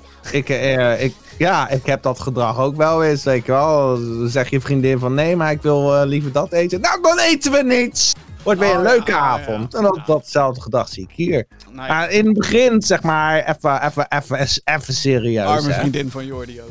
Ja, in het... ehm, eh, in de eerste statement hadden ze wel gelijk van ja, er worden eh, illegale kopieën gemaakt en dat mag gewoon niet. Eh, ja, daar hebben ze gelijk in. Aan de andere kant, die shit wordt niet meer verkocht. Er zijn geen Gamecubes volgens mij meer waar het op gespeeld werd. waar het voor nodig was. Hun online service werkte daar ook niet mee, want daar hadden ze een hack voor nodig. Dus Ja, want, ze eh, schaden er letterlijk niets en niemand mee. Degene die het spel spelen, hebben waarschijnlijk ook zes echte kopieën ergens liggen. eh, die wel 100%, zijn. Ja. Uh, dus ja, het, het is een beetje van. eh, kijk, gaat het nou over de nieuwste Call of Duty? Dan snap ik het wel. Maar dit is zo'n oud pareltje, mensen. Dat. nee, Ja. hier zijn ze gewoon volledig in doorgeslagen. En dan, en dan weer zo'n zo'n Karen-actie. Door alles maar te cancelen. Karen. ja, heel veel, heel veel eh, eh, eh, Smash-spelers hebben nu ook zoiets van... De reden waarom ze dit doen is omdat ze gewoon willen dat iedereen alleen maar Ultimate speelt. De nieuwe, zeg maar. Met alle DLC. En tuurlijk wil Nintendo dat. Ehm, ja, ik, ik, ik snap gewoon niet waarom ze... ik, weet je, dat, dat je één ding doet... Eh, weet je, dat is letterlijk één ding. Maar, om, maar om daarna dan ook meteen je eigen toernooi... Dat, dat voelt dan echt als een soort pestkopperijactie. En Zo in de finale, hè? ja, de, finale, hebben ze gecanceld. Gewoon een, een 24 uur van tevoren of zo. Ja. Dus het is niet of dat heel het, heel het toernooi gecanceld was. Nee, ze gingen de finale, die ging, eh, gingen ze spelen. En die hebben ze gecanceld. Ja. ja. Triest. Hou er nou eens een keer mee op. Eh, met een vaccin en het verschiet lijkt er volgend jaar een einde te komen aan de coronacrisis. Maar sommige bedrijven zijn nog niet bereid om gamers bij elkaar te brengen. Want details over vaccins en hopelijke versoepelingen, die zijn er natuurlijk niet. Sterker nog, op het moment van opnemen gaat het in Nederland in ieder geval niet heel erg goed als het gaat om eh, besmettingen en eh, het aantal. Zeg maar, het gaat omhoog en dat is niet goed. Hè? Het positieve nieuws, cijfers die omhoog gaan, is in dit geval negatief. En als je negatief getest bent, is dat weer positief nieuws. Snap je? Game events. Epic Games heeft in ieder geval al aangekondigd dat er in 2021 geen fysieke Fortnite-toernooien zullen gaan plaatsvinden. Wel komen er online events, dus er komen wel tournaments, maar alleen online. Godzijdank. De populaire Battle Royale blijft scoren. Zo zijn er skins rondom de Star Wars-serie The Mandalorian verkrijgbaar. En is er een skin gebaseerd op Kratos uit God of War in de PS4 en PS5-versie te vinden. Ondertussen is de organisator van de PAX-beurzen optimistischer. Zij hebben data geprikt voor verschillende events volgend jaar. De eerste zal hopelijk wel niet worden PAX East in Boston. Die wordt gehouden van 3 tot 6 juni. Zij zeggen wel veiligheid, dat veiligheid voorop staat. En dat de fysieke evenementen dus alleen door kunnen gaan als dat veilig is. Het afgelopen jaar zijn er amper tot geen grote gaming-events geweest vanwege COVID-19. Of er in 2021 bijvoorbeeld een nieuwe editie van een E3 of een Gamescom gaat komen, dat is eh, op het moment van opnemen compleet onduidelijk. Dus ja, probleem. Eh, jammer. Ja, nou ja, ik bedoel, eh, er is inderdaad licht aan het eind van de tunnel. Hè. We krijgen steeds meer berichten over vaccins. Laten we hopen dat, dat, eh, dat die dingen veilig zijn en dat we dan straks met z'n allen weer... eh, dat ik ook gewoon zonder dat ik me druk hoef te maken bij jou weer een kop koffie kan doen. Dat we weer een Gaming Geeks barbecue kunnen houden en dat we... ehm, ja. Weet je al? Ja. Ja, nee, ehm, ik heb precies hetzelfde. Ik eh, vond het vorig jaar heel koud om alleen tijdens E3 eh, weer op mijn eigen zolder te zitten. Ik, eh, en ja, ik zou het echt heel jammer vinden als we volgend jaar niet weer. Maar ja, veiligheid eh, gaat voorop bij eh, letterlijk alles en iedereen. Dat is waar. En ehm, ja, ik, ik denk dat we allemaal smachten om weer terug te gaan naar die normale manier van leven. Ja. Het oude normaal. over een paar jaar hebben we zoiets van, oh ja, herinner je die tijd nog? Dus laten we er gewoon even doorheen gaan. Dus eh, als het eerste jaar van No Man's Sky, ja, het was kut. Maar nu kijken we terug en denken we van, oh ja, daar hebben we van geleerd. Oh, mooi hè, die, dat kutjaar was mooi toen het nog kut was, zeggen we dan. Ja, Ik denk dat ja niemand dat gaat zeggen eh, over de heel corona. nostalgisch. Ik denk dat niemand dat gaat zeggen over de coronacrisis. Oh, wat was dat mooi, hè? Nee, dat was het niet. Dit gaan onze kleinkinderen vertellen, dames en heren. Heb jij een vraag voor de show? Mail naar podcast@gamergeeks.nl. Je weet het dus, hè. Eh, het mailadres wat je moet onthouden en waar je sowieso naar toe moet mailen. podcast.gaminggeeks.nl Eerste mailtje dat we hebben is van Boris. Beste Gamergeeks, denken jullie dat de gamingindustrie ooit uitontwikkeld is? Zo ja, waar ligt de grens volgens jullie? Zo nee, wat hopen jullie nog te zien en wat zouden jullie willen zien? Zonder het VR-genre, dus echt de klassieke gameervaring met controllers en toetsenbord. Kijk, daar speel je al een beetje vals natuurlijk. Ja. Eh, het is een hele open en lastige vraag, maar ik ben benieuwd naar jullie mening en visie. Groetjes van Boris. Jordi, wat kunnen we met games nog bereiken en doen zonder naar VR, AR en dat soort shit te gaan? Dus als we gewoon moeten uitgaan van een scherm en een controller, wat, wat Ja, kunnen we nog? Sowieso visuals. Dat wordt, eh, als je een, een game van nu kijkt naar eh, dadelijk Cyberpunk, hopelijk. En eh, eentje van vijf jaar geleden, dan zie je echt wel dat er vooruitgang in zit. Controls gaan allemaal steeds soepeler. Als je dat weer vergelijkt met de eerste Battlefield en de, en de laatste. Of Call of Duty, precies hetzelfde. Dus ik denk alles wordt een steeds meer verfijnd en realistischer. Uh, en er wordt steeds meer gekeken van ja, wat, wat willen mensen nou echt? En die doelgroepen worden steeds meer uh, ook wel uitgemolken. Maar Sowieso, ja. Ja, het, uh, ik denk dat de indies, die maken daadwerkelijk de, de games. Die worden overgekocht door grote corporaties dadelijk. En die gaan het vermenigvuldigen. Ik denk echt dat we naar zo'n soort toekomst ik zie EA niet echt meer uh, een blockbuster uh, random uh, grote game maken. Helemaal naar dingen als Anthem en Marvel die zijn eigen productiekosten nog steeds niet teruggeeft. De Avengers Marvel game. Wat ik denk, wat zeg maar voor mij de, de droom... Eindig ik altijd somber, hè? Jezus! Ja. Wat ik hoop dat de droomgame zal zijn, en dat is iets wat echt alleen maar kan als er artificial intelligence in het spel is. Letterlijk. Um, en figuurlijk. Maar wat ik dus zou willen is een open wereld. Die echt, echt open is. Dus een wereld waarin elke deur open kan. En niet alleen maar dat ene winkeltje in GTA, wat toevallig open Star is. Citizen. Maar dat je ook gewoon elke planeet op kan. En, Star Citizen. en dat je. Dat is nog allemaal niet zo. Maar dat er ook een mate van interactiviteit. En dat is eigenlijk waar ik heen wilde. Uh, met het voorbeeld van GTA. Dat er een mate van interactiviteit is. Die ten eerste realistischer is dan wat we nu hebben. Of juist niet. Want je wil natuurlijk lekker over de top kunnen gaan. Zonder dat je. Hè, want als je in het echt een auto-ongeluk hebt. Dan, uh, nou, dan loopt dat meestal niet goed voor je af. Maar in GTA. Ja, springt je mannetje er natuurlijk gewoon uit. Dat is wat je wil. Uh, behalve als je auto ontploft. Want dat is leuk. Maar ik heb het over interactiviteit en hoe de gamewereld reageert. En wat er kan. Dus je hebt nu al games met bijvoorbeeld een gimmick dat er een, een benzinestation opgeblazen kan worden. Weet je van, oh, deze game heeft destruction. Dus deze type muurtjes kunnen kapot. Nee, alles moet kapot kunnen, zeg maar. Ja. En hoe? En hoe stoffen daarop reageren. Hoe bepaald materiaal erop reageert. En hoe de, um, de, de computergestuurde mannetjes om je heen reageren. Dat soort elementen, daar kan nog zoveel in gebeuren. Maar echt ontzettend veel. En... Ja, dat is grappig dat je dat zegt, want uh, Fallout 4 had uh, die promise een klein beetje van... Uh, je gaat de wereld in om hem beter te maken en de wereld reageert daarop.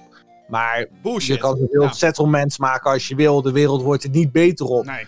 En ik, wil, ik, ik zou echt inderdaad willen dat uh, als ik boompjes plant, het Romein ook groener wordt. Dat het water gezuiverd wordt. Dat uh, als ik een tradingroute op word, dat er ook echt welvarendheid komt. En uh, ja, precies. ja daar, ben ik het echt volledig met je eens van. Ja, als dat soort diepgang, en het werkt ook echt. Dat als ik bij iemand een, een stoplicht kapot schiet, iemand anders te laat komt op zijn werk. En dat daardoor weer iets anders nou, gebeurt. Ik weet niet of je daar als speler wat van merkt, maar ja, ik, ik bedoel, wat dat betreft zijn er nog zoveel. En ook gewoon in de huidige gamestructuren. Hè? Dus vandaar dat ik ook even GTA als voorbeeld pak. Van wat nou als je in GTA hè, daadwerkelijk elk gebouw of een garage binnen kan rijden. Elk huis waar inderdaad zoveel mensen wonen. En, en, en um, ook binnen hè, Battlefield is ook een goed voorbeeld. Daar zijn slechts een paar plekken zijn er kapot, die kapot kunnen. En het ja. gaat dan niet alleen maar over dingen die kapot kunnen. Hè? Het gaat dan echt over Alles moet kapot! nou ja, ik bedoel, hoe vet zou het zijn als je een, een Battlefield game of, of een oorlogsgame hebt, waarbij je als speler op verschillende maps kan spawnen. Ehm, sterker nog, ik denk dat de Eerste Wereldoorlog hier perfect voor is. Dat je een, een, een Eerste Wereldoorlogsgame hebt die soort van real-time afspeelt. Dus je begint in 1914, ik zeg maar even wat. En dat is dan een één gigantische online campagne. En je gaat op je eh, Allies account of je gaat op je German account. Even, even heel, heel typerend, zeg maar eenzijde. Eh van als het gaat om, om, om eh, de, de, de Franse trench line, zeg maar, de trench warfare. Ehm, want die technologie is er nu gewoon nog niet, wat ik nu probeer te omschrijven. Maar dat je echt Nou. in real time een online campagne hebt. En dat continu gewoon gevochten wordt op diezelfde servers. En dat het, als het dus inderdaad lukt om duizend, dat duizenden real-time spelers een, een trench kunnen overnemen van de Duitsers of de Fransen of welke kant je dan ook staat. Dat dat dan ook op dat moment van de Duitsers of van de Fransen is. Waardoor natuurlijk de andere community denkt, kut, we moeten terug jongens, we moeten terug die fucking trenches Ja, maar in. dat bestaat! Ja, maar niet Heroes in de... Maar eh, en Generals. ja, maar niet in de schaal en in de... En in de Ja, en in dan de, hebben ze heel de Europa-map. Ja, met, maar niet- maar niet dat er letterlijk eh, zoals in- maar niet En die kan dat er... allemaal overnemen. Maar niet dat er letterlijk, zoals in de Eerste Wereldoorlog, kilometers aan trenches zijn. En dat je met Helaas duizenden mensen. nee. En dat je met duizenden mensen. Dat is de schaal waar ik het over heb. En dat je met Ja, duizenden nee, mensen. dat ik het. Ik, dat ga ik pre-orderen. Als jij mij dat kan beloven, ja, nee, dat kan ik niet beloven. Maar dat is waar we denk ik heen kunnen. Als het gaat om de, om de ouderwetse non-VR gaming experience. En je moet. eh, We gaan ook die kant op, hè? Want je moet. Ik bedoel. Ik denk dat als je tien jaar geleden. Met.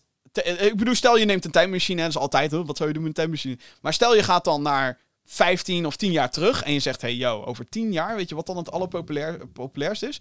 Een game waarbij je letterlijk met 100 spelers in een bus zit. Die boven een eiland zweeft. En met z'n allen duik je naar beneden. En degene die als laatste overblijft, die wint. Die mensen zouden helemaal fucking mindblown worden. Want die denken, ja, dag, bullshit.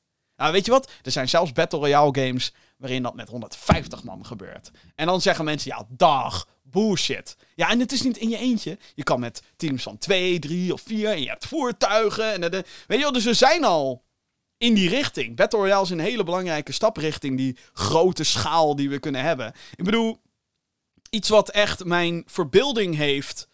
eh, ehm, wat dat echt tot stand heeft gebracht is. Ik weet niet of je deze ge- gespeeld hebt, Jordi. Maar Middle-earth, Shadow of War. Eh, Of, eh, ja, Shadow maar die hebben we ook eh, in de, de, de Game Plus eh, volgens mij eh, staan. Eh, klopt, die is nu op PlayStation Plus inderdaad. Eh, Shadow of War. Maar ik vond dat die game dus echt super goed. Niet alleen maar de sfeer van Lord of the Rings kon overdragen. Maar ook die hele orc encampments. En hoe de, hoeveel motherfuckers er op je afkwam als je zomaar een basis binnenliep. Dat was fucking vet in die game. En daar klopte het ook. Want het was een soort van vergalde versie van Mordor. Dus het was niet Mordor op volle kracht. Nee, ik wil gewoon fucking Helms Diep. Maar dan met de schaal en met daadwerkelijk 10.000 Uruk-hai die op je afkomen. Dat is denk ik waar we naartoe gaan. Want dat zijn de, de processing power en de, en, de, en, de, en de, de graphics power waar we naartoe gaan. Dat is denk ik... Ja, dat is wel iets waar eh, Star Citizen, om daar oh, Oh, terug God, te koppelen, aan werkt. Is dat er gewoon al die servers waar het op draait, eh, dadelijk gelinkt worden. En een wordt server matching. Hè, dat wordt helemaal gepureerd. En dan zit je dus echt met duizenden man eigenlijk op één mega server te spelen. En daarom hebben ze ook die planeten vol wolkenkrabbers, omdat die allemaal dadelijk bewoonbaar kunnen zijn. Zodat iedereen zijn eigen huis heeft. Met duizenden hangers Ja. en eh, noem maar op. Dus dat is wel waar ze naartoe gaan. Van dat, dat immerse. We hebben echt één heelal. Waar duizenden miljoenen eh, spelers tegelijkertijd eh, hun shit in kunnen doen. En overal kopjes koffie kunnen neerzetten. Over 50 jaar terug kunnen komen. En een kopje staat nog steeds. Ja. Laat ik het zo dag. zeggen, ik ben heel benieuwd naar de volgende Battlefield. Want dat is toch gewoon een Mm, game die bij ja. mij altijd schaal weet, weet, geweldig weet neer te zetten. En dat gevoel van dat Ja. ik, ook al is het maar een game, ik ga liggen en ik ga kruipen en ik zit soort van zo voorover gebukt achter mijn scherm van, oeh, ik hoop niet dat me- ik ben bang om te schieten. Want, eh, eh, eh." ik zou waardeloos zijn in een echte oorlogssituatie, maar weet je wel, het is... Ja, er is niets zo fijn als op een maandagochtend vroeg met een kop koffie achter je pc zitten en in een schutterspukje in Battlefield 5 kruipen. Dat gevoel dat gewoon dat, eh, ik ben nog niet wakker en eh, daar komt de Duitser, hij ziet me niet. Dat, eh, ja, Uh, dat, dat, dat, doet, dat doet cocaïne niet met je. Oh god. Dat- Volgende mailtje. Mitch die heeft eh, gemaild. Beste Gamer Geeks, afgelopen week heb ik weer naar The Mandalorian gekeken. Ik vind deze serie zo goed, hè? Wat is jullie mening over de Star Wars serie The Mandalorian? Ik ben heel benieuwd en kan niet wachten om verder te kijken. Niet echt een gaming gerelateerde vraag, maar goed, maakt niet uit. Jordi, eh The Mandalorian. Seizoen 1 eh, vond ik heel leuk en een soort van verfrissend. Maar had ik een beetje het idee van. Je merkte heel erg wanneer het een, een filler-episode was en wanneer je de, de goede shit kreeg. Seizoen 2 daarentegen is elke aflevering is fucking goed. Mhm. Achter elkaar. Elke eh, zaterdagochtend kijken wij hem altijd. We, sluiten hem af en we zitten alles weer van fucking hell. Wat hebben we nou weer gezien? Ja. Kunnen we het nog een keer kijken? Er is nog geen enkele aflevering geweest die ik zoiets had van... Nou, een beetje filler. Ja. Ja, sorry, mijn, mijn kindje die... eh, ik heb zeg maar een kindje sinds eh, kort. En het, kan, het, kan zijn dat hij uit de Mandalorian komt. En dat het een eh, poppetje is. Maar ehm, ja, ik vind het ook fantastisch. Dit is het beste wat er in Star Wars is gebeurd sinds... ehm, nou, eigenlijk sinds Jedi Fallen Order, zeg maar, die game. Want dat, die was ook gewoon heel goed. Ja, oké. Hij back nou maar, baby eh, Yoda ding. Ehm, maar, ik bedoel, Jedi Fallen Order vond ik een hele goede game. Dus dat was op zich, eh, ja. Maar qua kijkgedoe is dit wel echt gewoon... Rogue One vond ik zeg maar te gek. Ik vond Solo nog ook wel tof. En dit is wel echt... Dit is wel gewoon heel vet. Het is wel een beetje fanservice hier en daar. Kijk, wat ik Maar op een, op een leuke manier. ja, nee, op, een, op, een- op een fanservice. toffe manier, ja. En, en wat, ik, wat ik heel erg tof hieraan vind, is hoe het eh, gewoon echt goede actie en een goed tempo heeft. Wat ik wel jammer vind, en dit blijf ik zeggen, is dat wat ik heel tof vond aan het concept van The Mandalorian, is dat je te maken hebt met gewoon een fucking bounty hunter. Ja. En ik vind nu dat iedereen iets te veel een good guy begint te worden in seizoen 2. Dat ik wel denk, waar is die wat meer lugubere, eh, harteloze zooi die je In krijgt? eh, Wanneer... In die eerste trailer die ze deden. En dan eh, eh, had hij zo'n touw dat schoot uit naar iemand. Die trok hem naar ze toe. En hij kwam tussen de, die deuren die, deur, eh, ja. eh, dicht gingen. En je, je wist gewoon dat lichaam is in tweeën gesneden. Toen was je van, holy shit, Star Wars wordt eindelijk Volwassen. volwassen. tussen Ja. En Nee, in, maar- inderdaad, seizoen 2 begint dat langzaam een beetje van... Oké, ja, hij, hij is een de- good guy. Hij is een good guy. Ja, bij iedereen op, dit, op het moment waar we nu zitten, moment van opnemen, ehm, is letterlijk iedereen in, in de cast is een good guy. Gewoon oprecht, zeg maar, aan de kant van de good side. In plaats van wat meer het grijze gebied wat ik hoopte dat deze serie ging worden. En er zijn Ja. obvious bad guys, want die zijn van de Empire. En die hebben eh, eh, kwade bedoelingen met alles. En ehm, wat ik ook jammer vind, kijk, ik snap wel waarom ze het volgende punt pakken. Maar het is toch weer iets te veel voor mijn smaak. Te veel leunend op Jedi en The Force. Terwijl ik denk, fuck, ik wil juist dat we ook een keer die andere kant van Star Wars zien. Namelijk mensen die geen fuck te maken hebben met The Force. Die er nog nooit fucking van hebben gehoord. Die het allemaal malariekoek vinden. Whatever. En ik snap het. Het is allemaal onderdeel van de Star Wars mythologie. En bla bla bla bla bla bla. En, en eigenlijk weet ik natuurlijk al sinds aflevering 1 dat The Force sowieso een rol gaat spelen in deze fucking serie. Maar het, die rol wordt steeds groter. En ik vond het juist tof dat ook in een aantal afleveringen van seizoen 2... dat de Mandalorian ook gewoon zegt... Yo, baby Yoda, blijf jij hier chillen? Ik ga mijn shit oplossen. Met mijn, met mijn eigen wits en mijn eigen gadgets en weet ik wat allemaal. En dat vond ik... Die afleveringen vond ik misschien nog wel vetter. ja. Omdat je daar niet... Het is namelijk soms zo makkelijk om gewoon plotten, plot en, en ook een oplossing te schrijven met The Force. En dat hebben we helemaal gezien met Rise of Skywalker natuurlijk. Waarom gaat iemand dood? The Force. Waarom is Force. iemand daar? The Force. Force. Waarom weet jij dit? The Force. Fuck off. Ga je dood? Oh nee hoor, hier is de Force! Hier is The Force. Ja, fuck dat. Fucking Disney. Maar... Nee, maar The Mandalorian heeft ook geen geld nodig. Hij is nou al twee seizoenen. Hij heeft, één keer heeft hij volgens mij geld gehad. En nu is het allemaal van. Nee, joh, dat komt allemaal wel. Dat komt wel. Ik had wel wat meer gezien dat hij dat soort missies moet gaan aannemen. Ja. En, eh, en nieuwe planeten. Op een gegeven er was één aflevering, volgens mij aflevering 1 van seizoen 2. Die begon op een eh, nog redelijk nieuwe-achtige planeet. Duistere eh, stad. En leek een beetje op Rotterdam. En eh, daar waren ze na vijf minuten klaar en ze gingen weer naar Tatooine. Dat je denkt van, van al die planeten die ze daar hebben. Oh, die havenstad bedoel je? alleen maar die planeet zien. Ja. Dat, eh, dat vind ik een beetje jammer. Ik had wel eh, inderdaad gewild. Ja, nu was hier een soort grasplaneet met wat rotsjes. Nou, dat kan ook niet heel de planeet zijn. Kom op. Ja. Oké, laten we even snel door de laatste paar vragen heen gaan. Ik merk, ja, ik bedoel, snij een, een, een taart aan met Star Wars en wij gaan alle puntjes gaan we dan vervolgens heel langzaam oppeuzelen. En het kerstje op de taart moet natuurlijk ook grondig geanalyseerd worden. Lik, Jim, likken! Eh, Oké. Ehm, sorry. Ik was een beetje afgeleid door die. eh, Daardoor. Eh, Oké, volgende vraag is van niemand minder dan Helly. Oh, kut, waar, waar, eh, waar is dat muziekie? Ik moet even zijn muziekje hebben hoor. Wacht even. Dit is heel belangrijk, dit namelijk. Eh Helly de Helminator, die heeft weer een. eh, Ah. Ja. Hebben we Sif muziek op de achtergrond? Nee, nee, iets beters. God fucking YouTube advertenties, kom op. Nee, ik wil geen, ik wil geen product. Hier. Stomme eh, reclamemuziek is altijd. het is zo. Zo bleh. Nou goed, er moet geld verdiend worden, ik snap het ook. Oké, zijn we er klaar voor? Oké, we hebben een vraag. Van Helly Yo Yo, de Helminator. Hallo, meneer Gamer Geeks podcast host en Jordi zijn koffielijke hoogheid. Ik luister de Gaming Geeks podcast altijd via mijn favoriete podcastplatform. Dat is geen vraag. Wat is jullie favoriete plekje om goede podcasts met diepgang te luisteren?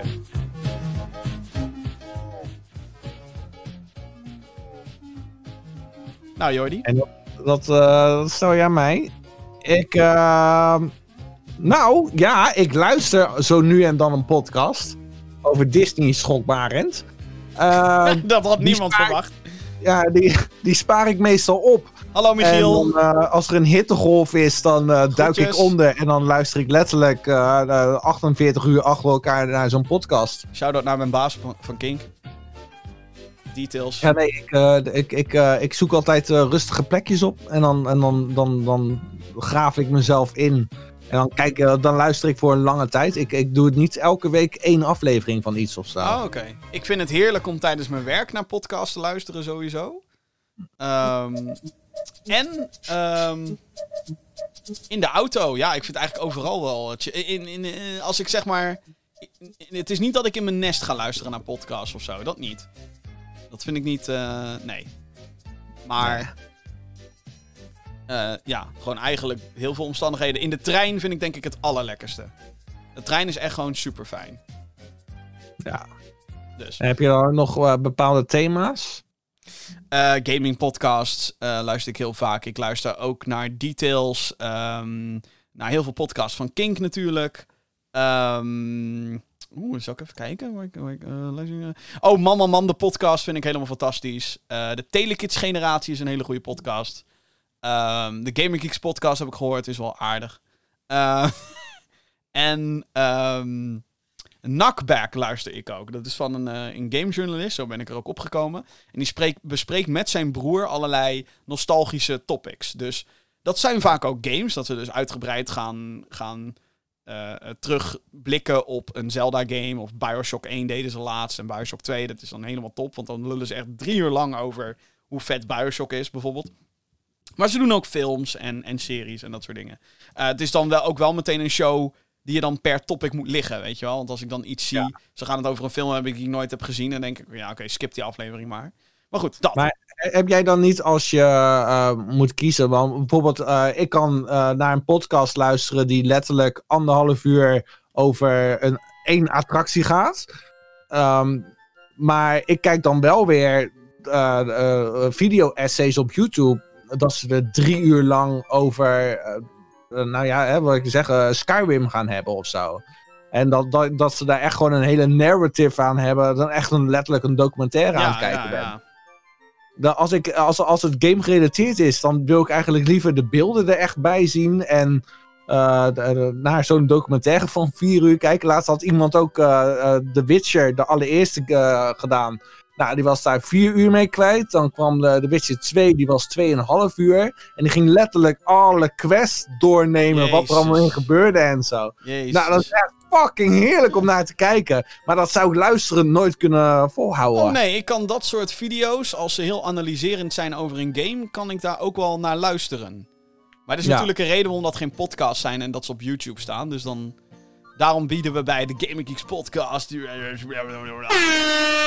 bieden we de optie dat je via je podcastdienst kan beluisteren. Gewoon, zoals een podcast zoals deze gemaakt wordt. Maar ook dat we er beeld bij doen, zodat je ook een beetje ziet hoe we erbij zitten. En dat ik er soms ook wat gamebeeld bij doe. En hoe jij elke keer verbaasd rondkijkt als ik iets instart. Bullshit. Ik, ik, oprecht weet ik niet waar het geluid komt nu vandaan komt. uit mijn computer, heel specifiek. Oké, volgende mailtje.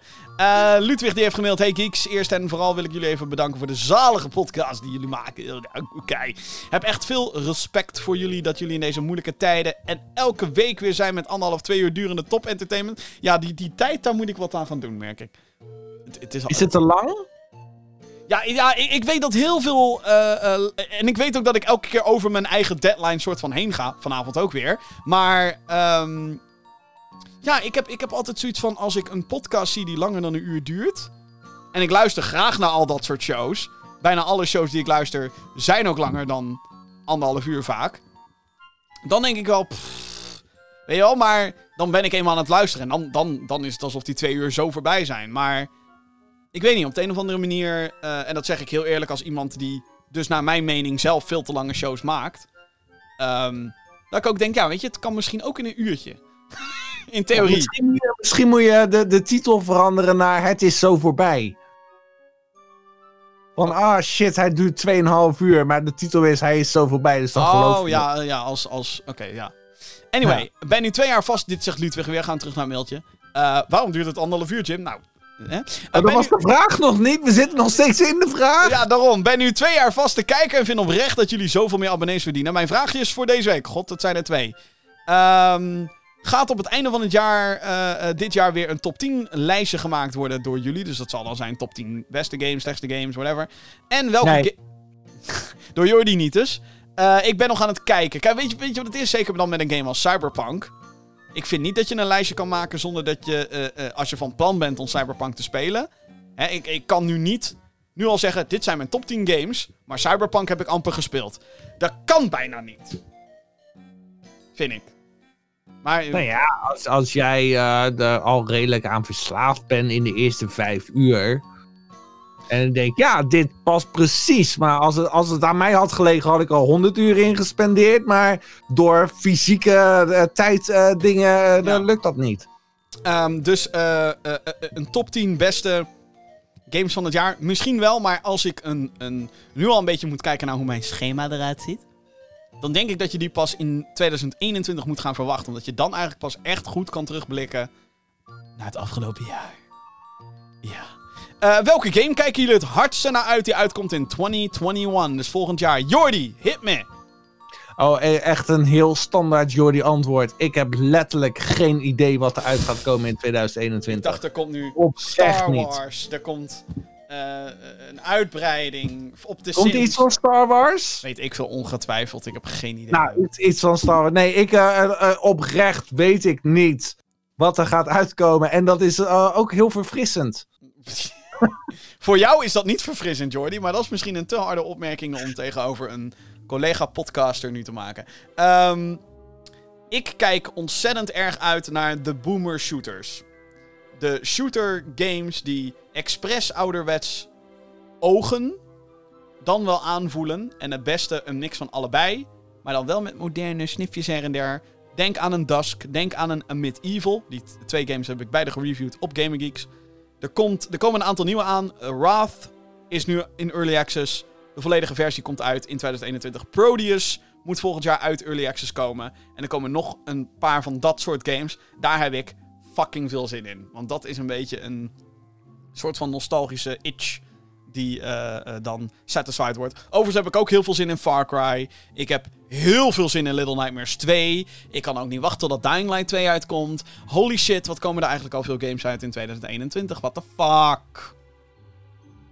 Ratchet Clank. Ja, die, die, daar, daar, oprecht. Dat, die wil God- ik spelen. Die, of- eh, daar wacht ik op. God of War. Ik denk niet dat hij 2021 gaat halen. Maar Horizon Forbidden West. Ja, ja. Ook Nee. volgend jaar. Kom maar door. Als hij het gaat halen. We weten het allemaal niet, hè, jongens. Hmm. Nee, er zijn ontzettend veel. Maar als ik.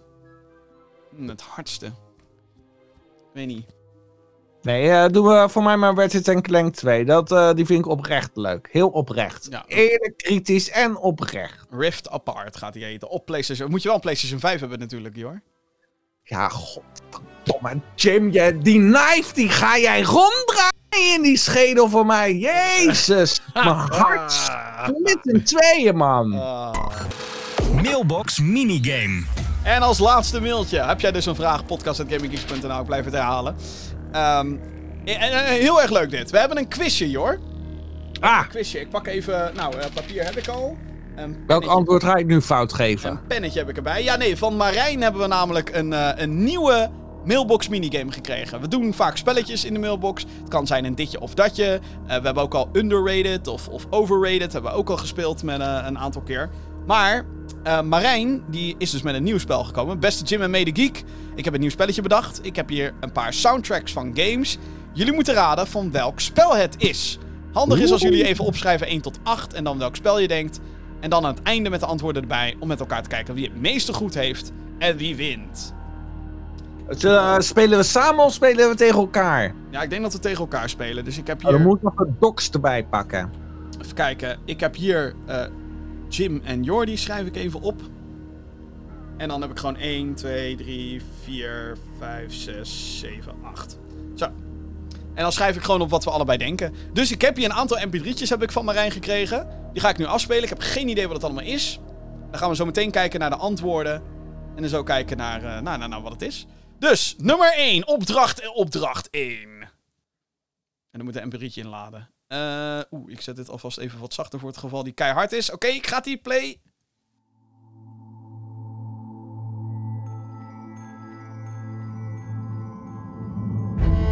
Assassin's Creed 4, Black Flag. Ja, ik, eh, ik ben daarvoor. ik moest Oh, wel zeggen, dat toen is wel die violen inkwamen, wist ik van... Hé, hey, dit heb ik gespeeld. Ja. en jij hebt Assassin's Creed 4 heb jij gespeeld, ja. Eh, ik heb de Collector's Edition. Hier eh, achter ziet u de vlag. Oh, ja. Ja. Ja, nee, dit is 100% Assassin's Creed. Ten, ten, ten, ten, ten, ten, ten. Kom maar door.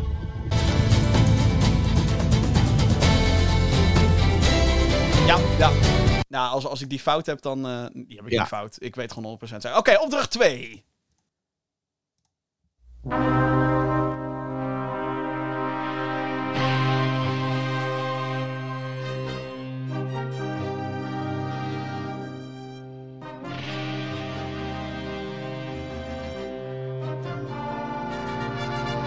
Dus niet... de- Oh, dit klinkt heel cowboyachtig.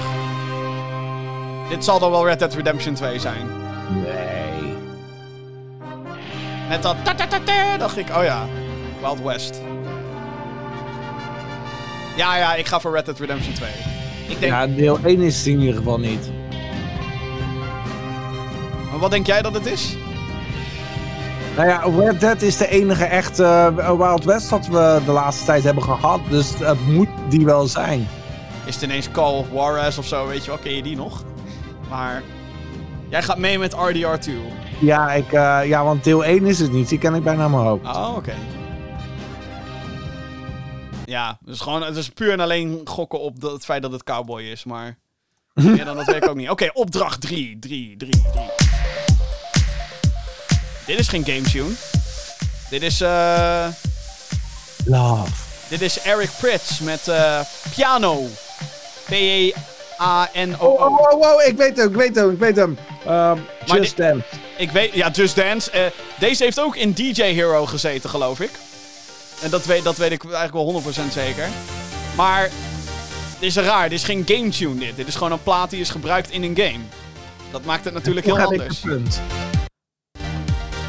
Oké, eh, ja, weet ik veel. Eh, Just Dance, zeg jij. Ja, Eh, en eh, Singstar. daar wordt hij niet in gezongen, gek. Dit is een instrumentele plaat. Tuurlijk wel. Gewoon pak een microfoon. Alles kan. Love. Ik zou eigenlijk bijna zeggen, deze telt niet. Want dit is gewoon een... Ja, weet je wel? Zou je zeggen, als, ja, oh ja, Pearl Jam met Even Flow. Die behoort in... eh, dat is een Guitar Hero, want die zit in Guitar Hero. Alsof die dan niet in een... In een weet je wel? In een andere game kan zitten. Ik hoop oprecht voor je dat dat de volgende is. Dit is de volgende. Oeh. Creepy. Oh, ehm... dit heb ik sowieso gespeeld. Tun, tun, tun, tun. Battlefield Oh, oh, oh, ja, ja, Battlefield 4. 4? Was toch was 4 niet die hele, die hele dubstep? Pjom, pjom, pjom, pjom, pjom. Nee, nee, dat was 5. Oh, Oh nee, 3. 3 bedoel ik. 3 was nog ouderwets. En 4 ging inderdaad naar de dubstep. ik denk dat dit 5 is namelijk. Ik ga voor 5. Ik ga voor 3. Jij gaat voor 3. Oké, schrijf ik even op. BF3. Kijken, verder. Skippen. Als hij dat wil doen, althans. MP3'tje wil niet meer inladen. Oké, nou, eh, we hadden je sowieso allebei antwoord. Oké, volgende op de nummer 5. 5, 5, 5, 5, 5. Life is Strange. Klaar. Daar. Die, Nooit herken, gespeeld, dus eh, nee. die herken ik zo. Dit is... eh Ja, oh man. Kunnen we dit gewoon eh, voor de rest van de podcast kunnen we gewoon dit opzetten? Nog een half uurtje of zo? Eh. Oh, pra- oh, ik word meteen emotioneel. Ik meen het. Eh, Oké, volgende. Voordat ik eh tranen met tuit hier. Next. Tomb Raider. Sorry, ik, ben, ik ken deze deetjes te goed. En sterker nog, ik zou zelfs kijken wachten totdat de volgende... Ik denk zelfs dat dit gewoon de eerste is, als in Tomb Raider 1. Gewoon 1996, dames en heren, op de eerste plaats in de Sega Saturn. Lara en haar, en haar vierkante reet. Puntige posten. Oké, jij, jij gaat met mij mee of zeg jij wat anders? Ja, nee, ik, eh, ik, ben, ik vertrouw op jouw eh, inzicht. Ja, nee, dit is eh 100%. Eh die keyboardkoortjes. Je hoort gewoon iemand die keyboard indrukken. Heerlijk. Oh, wel een goed deuntje, hé. God. Oh, godsamme, wat goed. Eh, Oké, eh, vol- de volgende. Nummer 7. Even, even.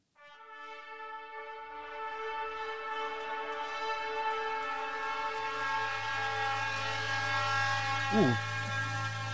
Bioshock? Oh, ehm. Deze heb ik gespeeld, deze heb ik gespeeld. Zeg jij Bioshock? Nee, nee, nee, ik neem mijn antwoord terug. Oh, jammer. Ehm. Oh, ehm. Ah, het ligt er op een puntje van mijn tong. Ik ken de... De, eh, eh, de, de... Tan, tan, tan, Call of Duty World War II. Dit is Call of Duty World War II. Denk ik. Nee, ik kan er niet opkomen. Dus ik, ik, ja, ik, ik, eh, ik gok dan ook maar. Ja, jij gaat met me mee. Ja. Ja, nee, dit is Call of Duty World War II. Als hij nu tan, tan, tan, dan moet het wel zo zijn. Ja, ja, ja, ja. Ja, ja, ja, ja, ja, ja, ja. Oké, ja, ja, ik ga met je mee. Ik ga met je mee. Zo slecht was die game niet, jongens. Eh campaign was wel heel erg Michael Bay. Oké, nummer 8. 8, 8. Oeh, eh, Best op was. dit heb ik ook gespeeld.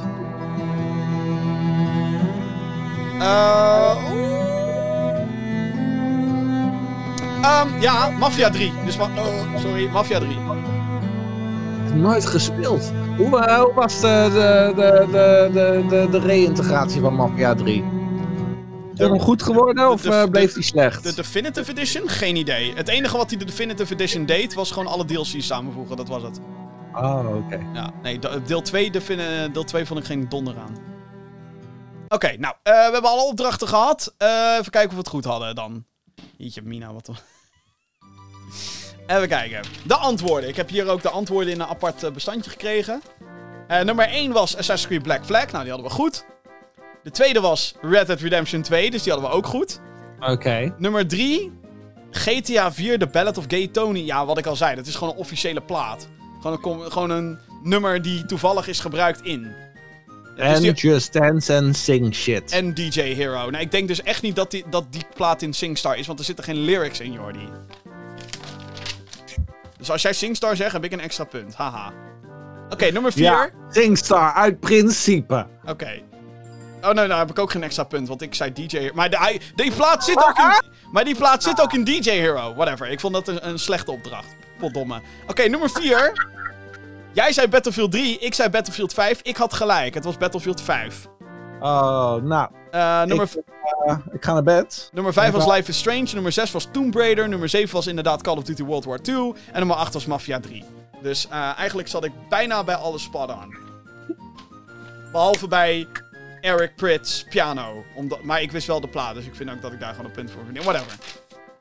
En is er nog een andere plaats van dat je ook nog eens een keer correct een mail hebt gelezen? Want die, oh, da- da- daar kreeg jij echt een goede punt voor. Voor het lezen van de mail? Ja, waarom niet? Het is jouw spel. Alles overal. het is niet punt. mijn spel, het is een spel van Marijn. Die heeft, die heeft het verzonnen allemaal. Nou. Marijn, stuur nog maar een mailtje met nog een punt. Of, eh, of tien punten voor Jordi, omdat hij, eh, omdat hij eh, Jordi is. Jezus Christus. Je moet echt minder whisky drinken tijdens het maken van deze show. Want dat wordt echt gewoon... Ha, hey, dat is leuk. Nou, we zitten bijna aan het einde van deze show. Wat fijn. Wat- Nee. Ja, Nee. ja, ja, ja, ja, ja. Wat ik al zei, heb je een vraag voor deze show of een andere eh, variatie op de mailbox minigame? Laat het dus weten via podcast.gamergeeks.nl. Dat is podcast.gamergeeks.nl. Oké. Niet Eh, tweeten. hè? Hè? Niet tweeten. Gewoon e-mailen. Ouderwets. Zeker. Daar houden we van. Van sommige hele oude, ouderwetse dingetjes. Anyway, ehm, ja, we zijn dus bijna aan het einde van deze podcast. Maar niet voordat ik, voordat ik je heb verteld dat je moet abonneren op deze show via je favoriete podcastdienst. Zoals Apple Podcasts, Google Podcasts en Spotify. Eh, natuurlijk is er ook een videoversie. Die is te vinden op youtube.com slash. Dan zie je Jordi in zijn heerlijke pakkie zitten. En heel vaak verbaasd rondkijken. En heel vaak denken, huh? Waar heeft Jim het nou in godsnaam weer over? En dan zie je mij Ook soms denken... al die emotie. Van- Dat dus- is echt mijn, eh, mijn to-go emotie. Je ziet mij soms van, hè, waar heeft Jordi het nou weer over? Geen idee, laat die jongen maar lullen. Nee, grapje. Ehm, wat ik ook graag wil aanraden is dat je naar gaminggeeks.nl gaat om daar al onze andere videocontent te bekijken. Zoals de nieuwe ASMR-sessie van Jordi in, we hebben het erover gehad, Star Citizen. Star Citizen is een geweldig spel. Voor jou. En. Je hoort de ruimte langs je heen gaan. Luister maar naar de ruimte. Regens voor je regen. Goed gedaan. Je hebt geluisterd naar de ruimte om je heen. Het zijn midi-chlorians. Fuck you, George Lucas. Er zijn geen fucking midi-chlorians. Vond ik trouwens ook grappig. Nou, laat maar zitten. Spoilers. Ehm, en wat we ook hebben is Gamer Geeks Next. Het overzicht van alle belangrijke releases van december. Ja, er komt meer uit dan alleen Cyberpunk. Wat dat allemaal is, check daarvoor Gamer Geeks Next. Deze week op Gamer Geeks kan je onder andere verwachten meer streams. Wat ik al zei, we zijn official co-streamer van de Game Awards. Dus eh, dat gaan we doen. En En natuurlijk wanneer, wanneer is het? Wanneer is die Game Award? donderdag, donderdag eh, eh, avond slash nacht. Oké. 10 Dat december. iedereen het even in zijn digitale Google Agenda. agenda, zet. Ja, ja. En ook op diezelfde dag, Cyberpunk 2077 valt dan, als het goed is, hier op de deurmat. De Collector's Edition. Je weet wat ik moet doen bij Collector's Edition, eh, Editions. Dan moet er een camera aan en dan moet ik die boel gaan uitpakken. Dus eh, verheug je erop. En eerste impressies natuurlijk. Blablabla. Bla, Goed. Eh, oftewel, gewoon lekker gaminggeeks.nl en youtube.com slash gaminggeeks.nl abonneren en dat soort zaken. Goed. Tot zover de 154ste aflevering van de Gaming Geeks podcast. Jordi, hartelijk dank dat je er weer bij was. Graag gedaan, Jim. Tot 2021. Eh, de podcast komt overigens volgende week natuurlijk gewoon weer terug. dat is ook wel weer zo. Maar eh, eh, ja, thanks allemaal voor het luisteren en heel graag tot een volgende keer.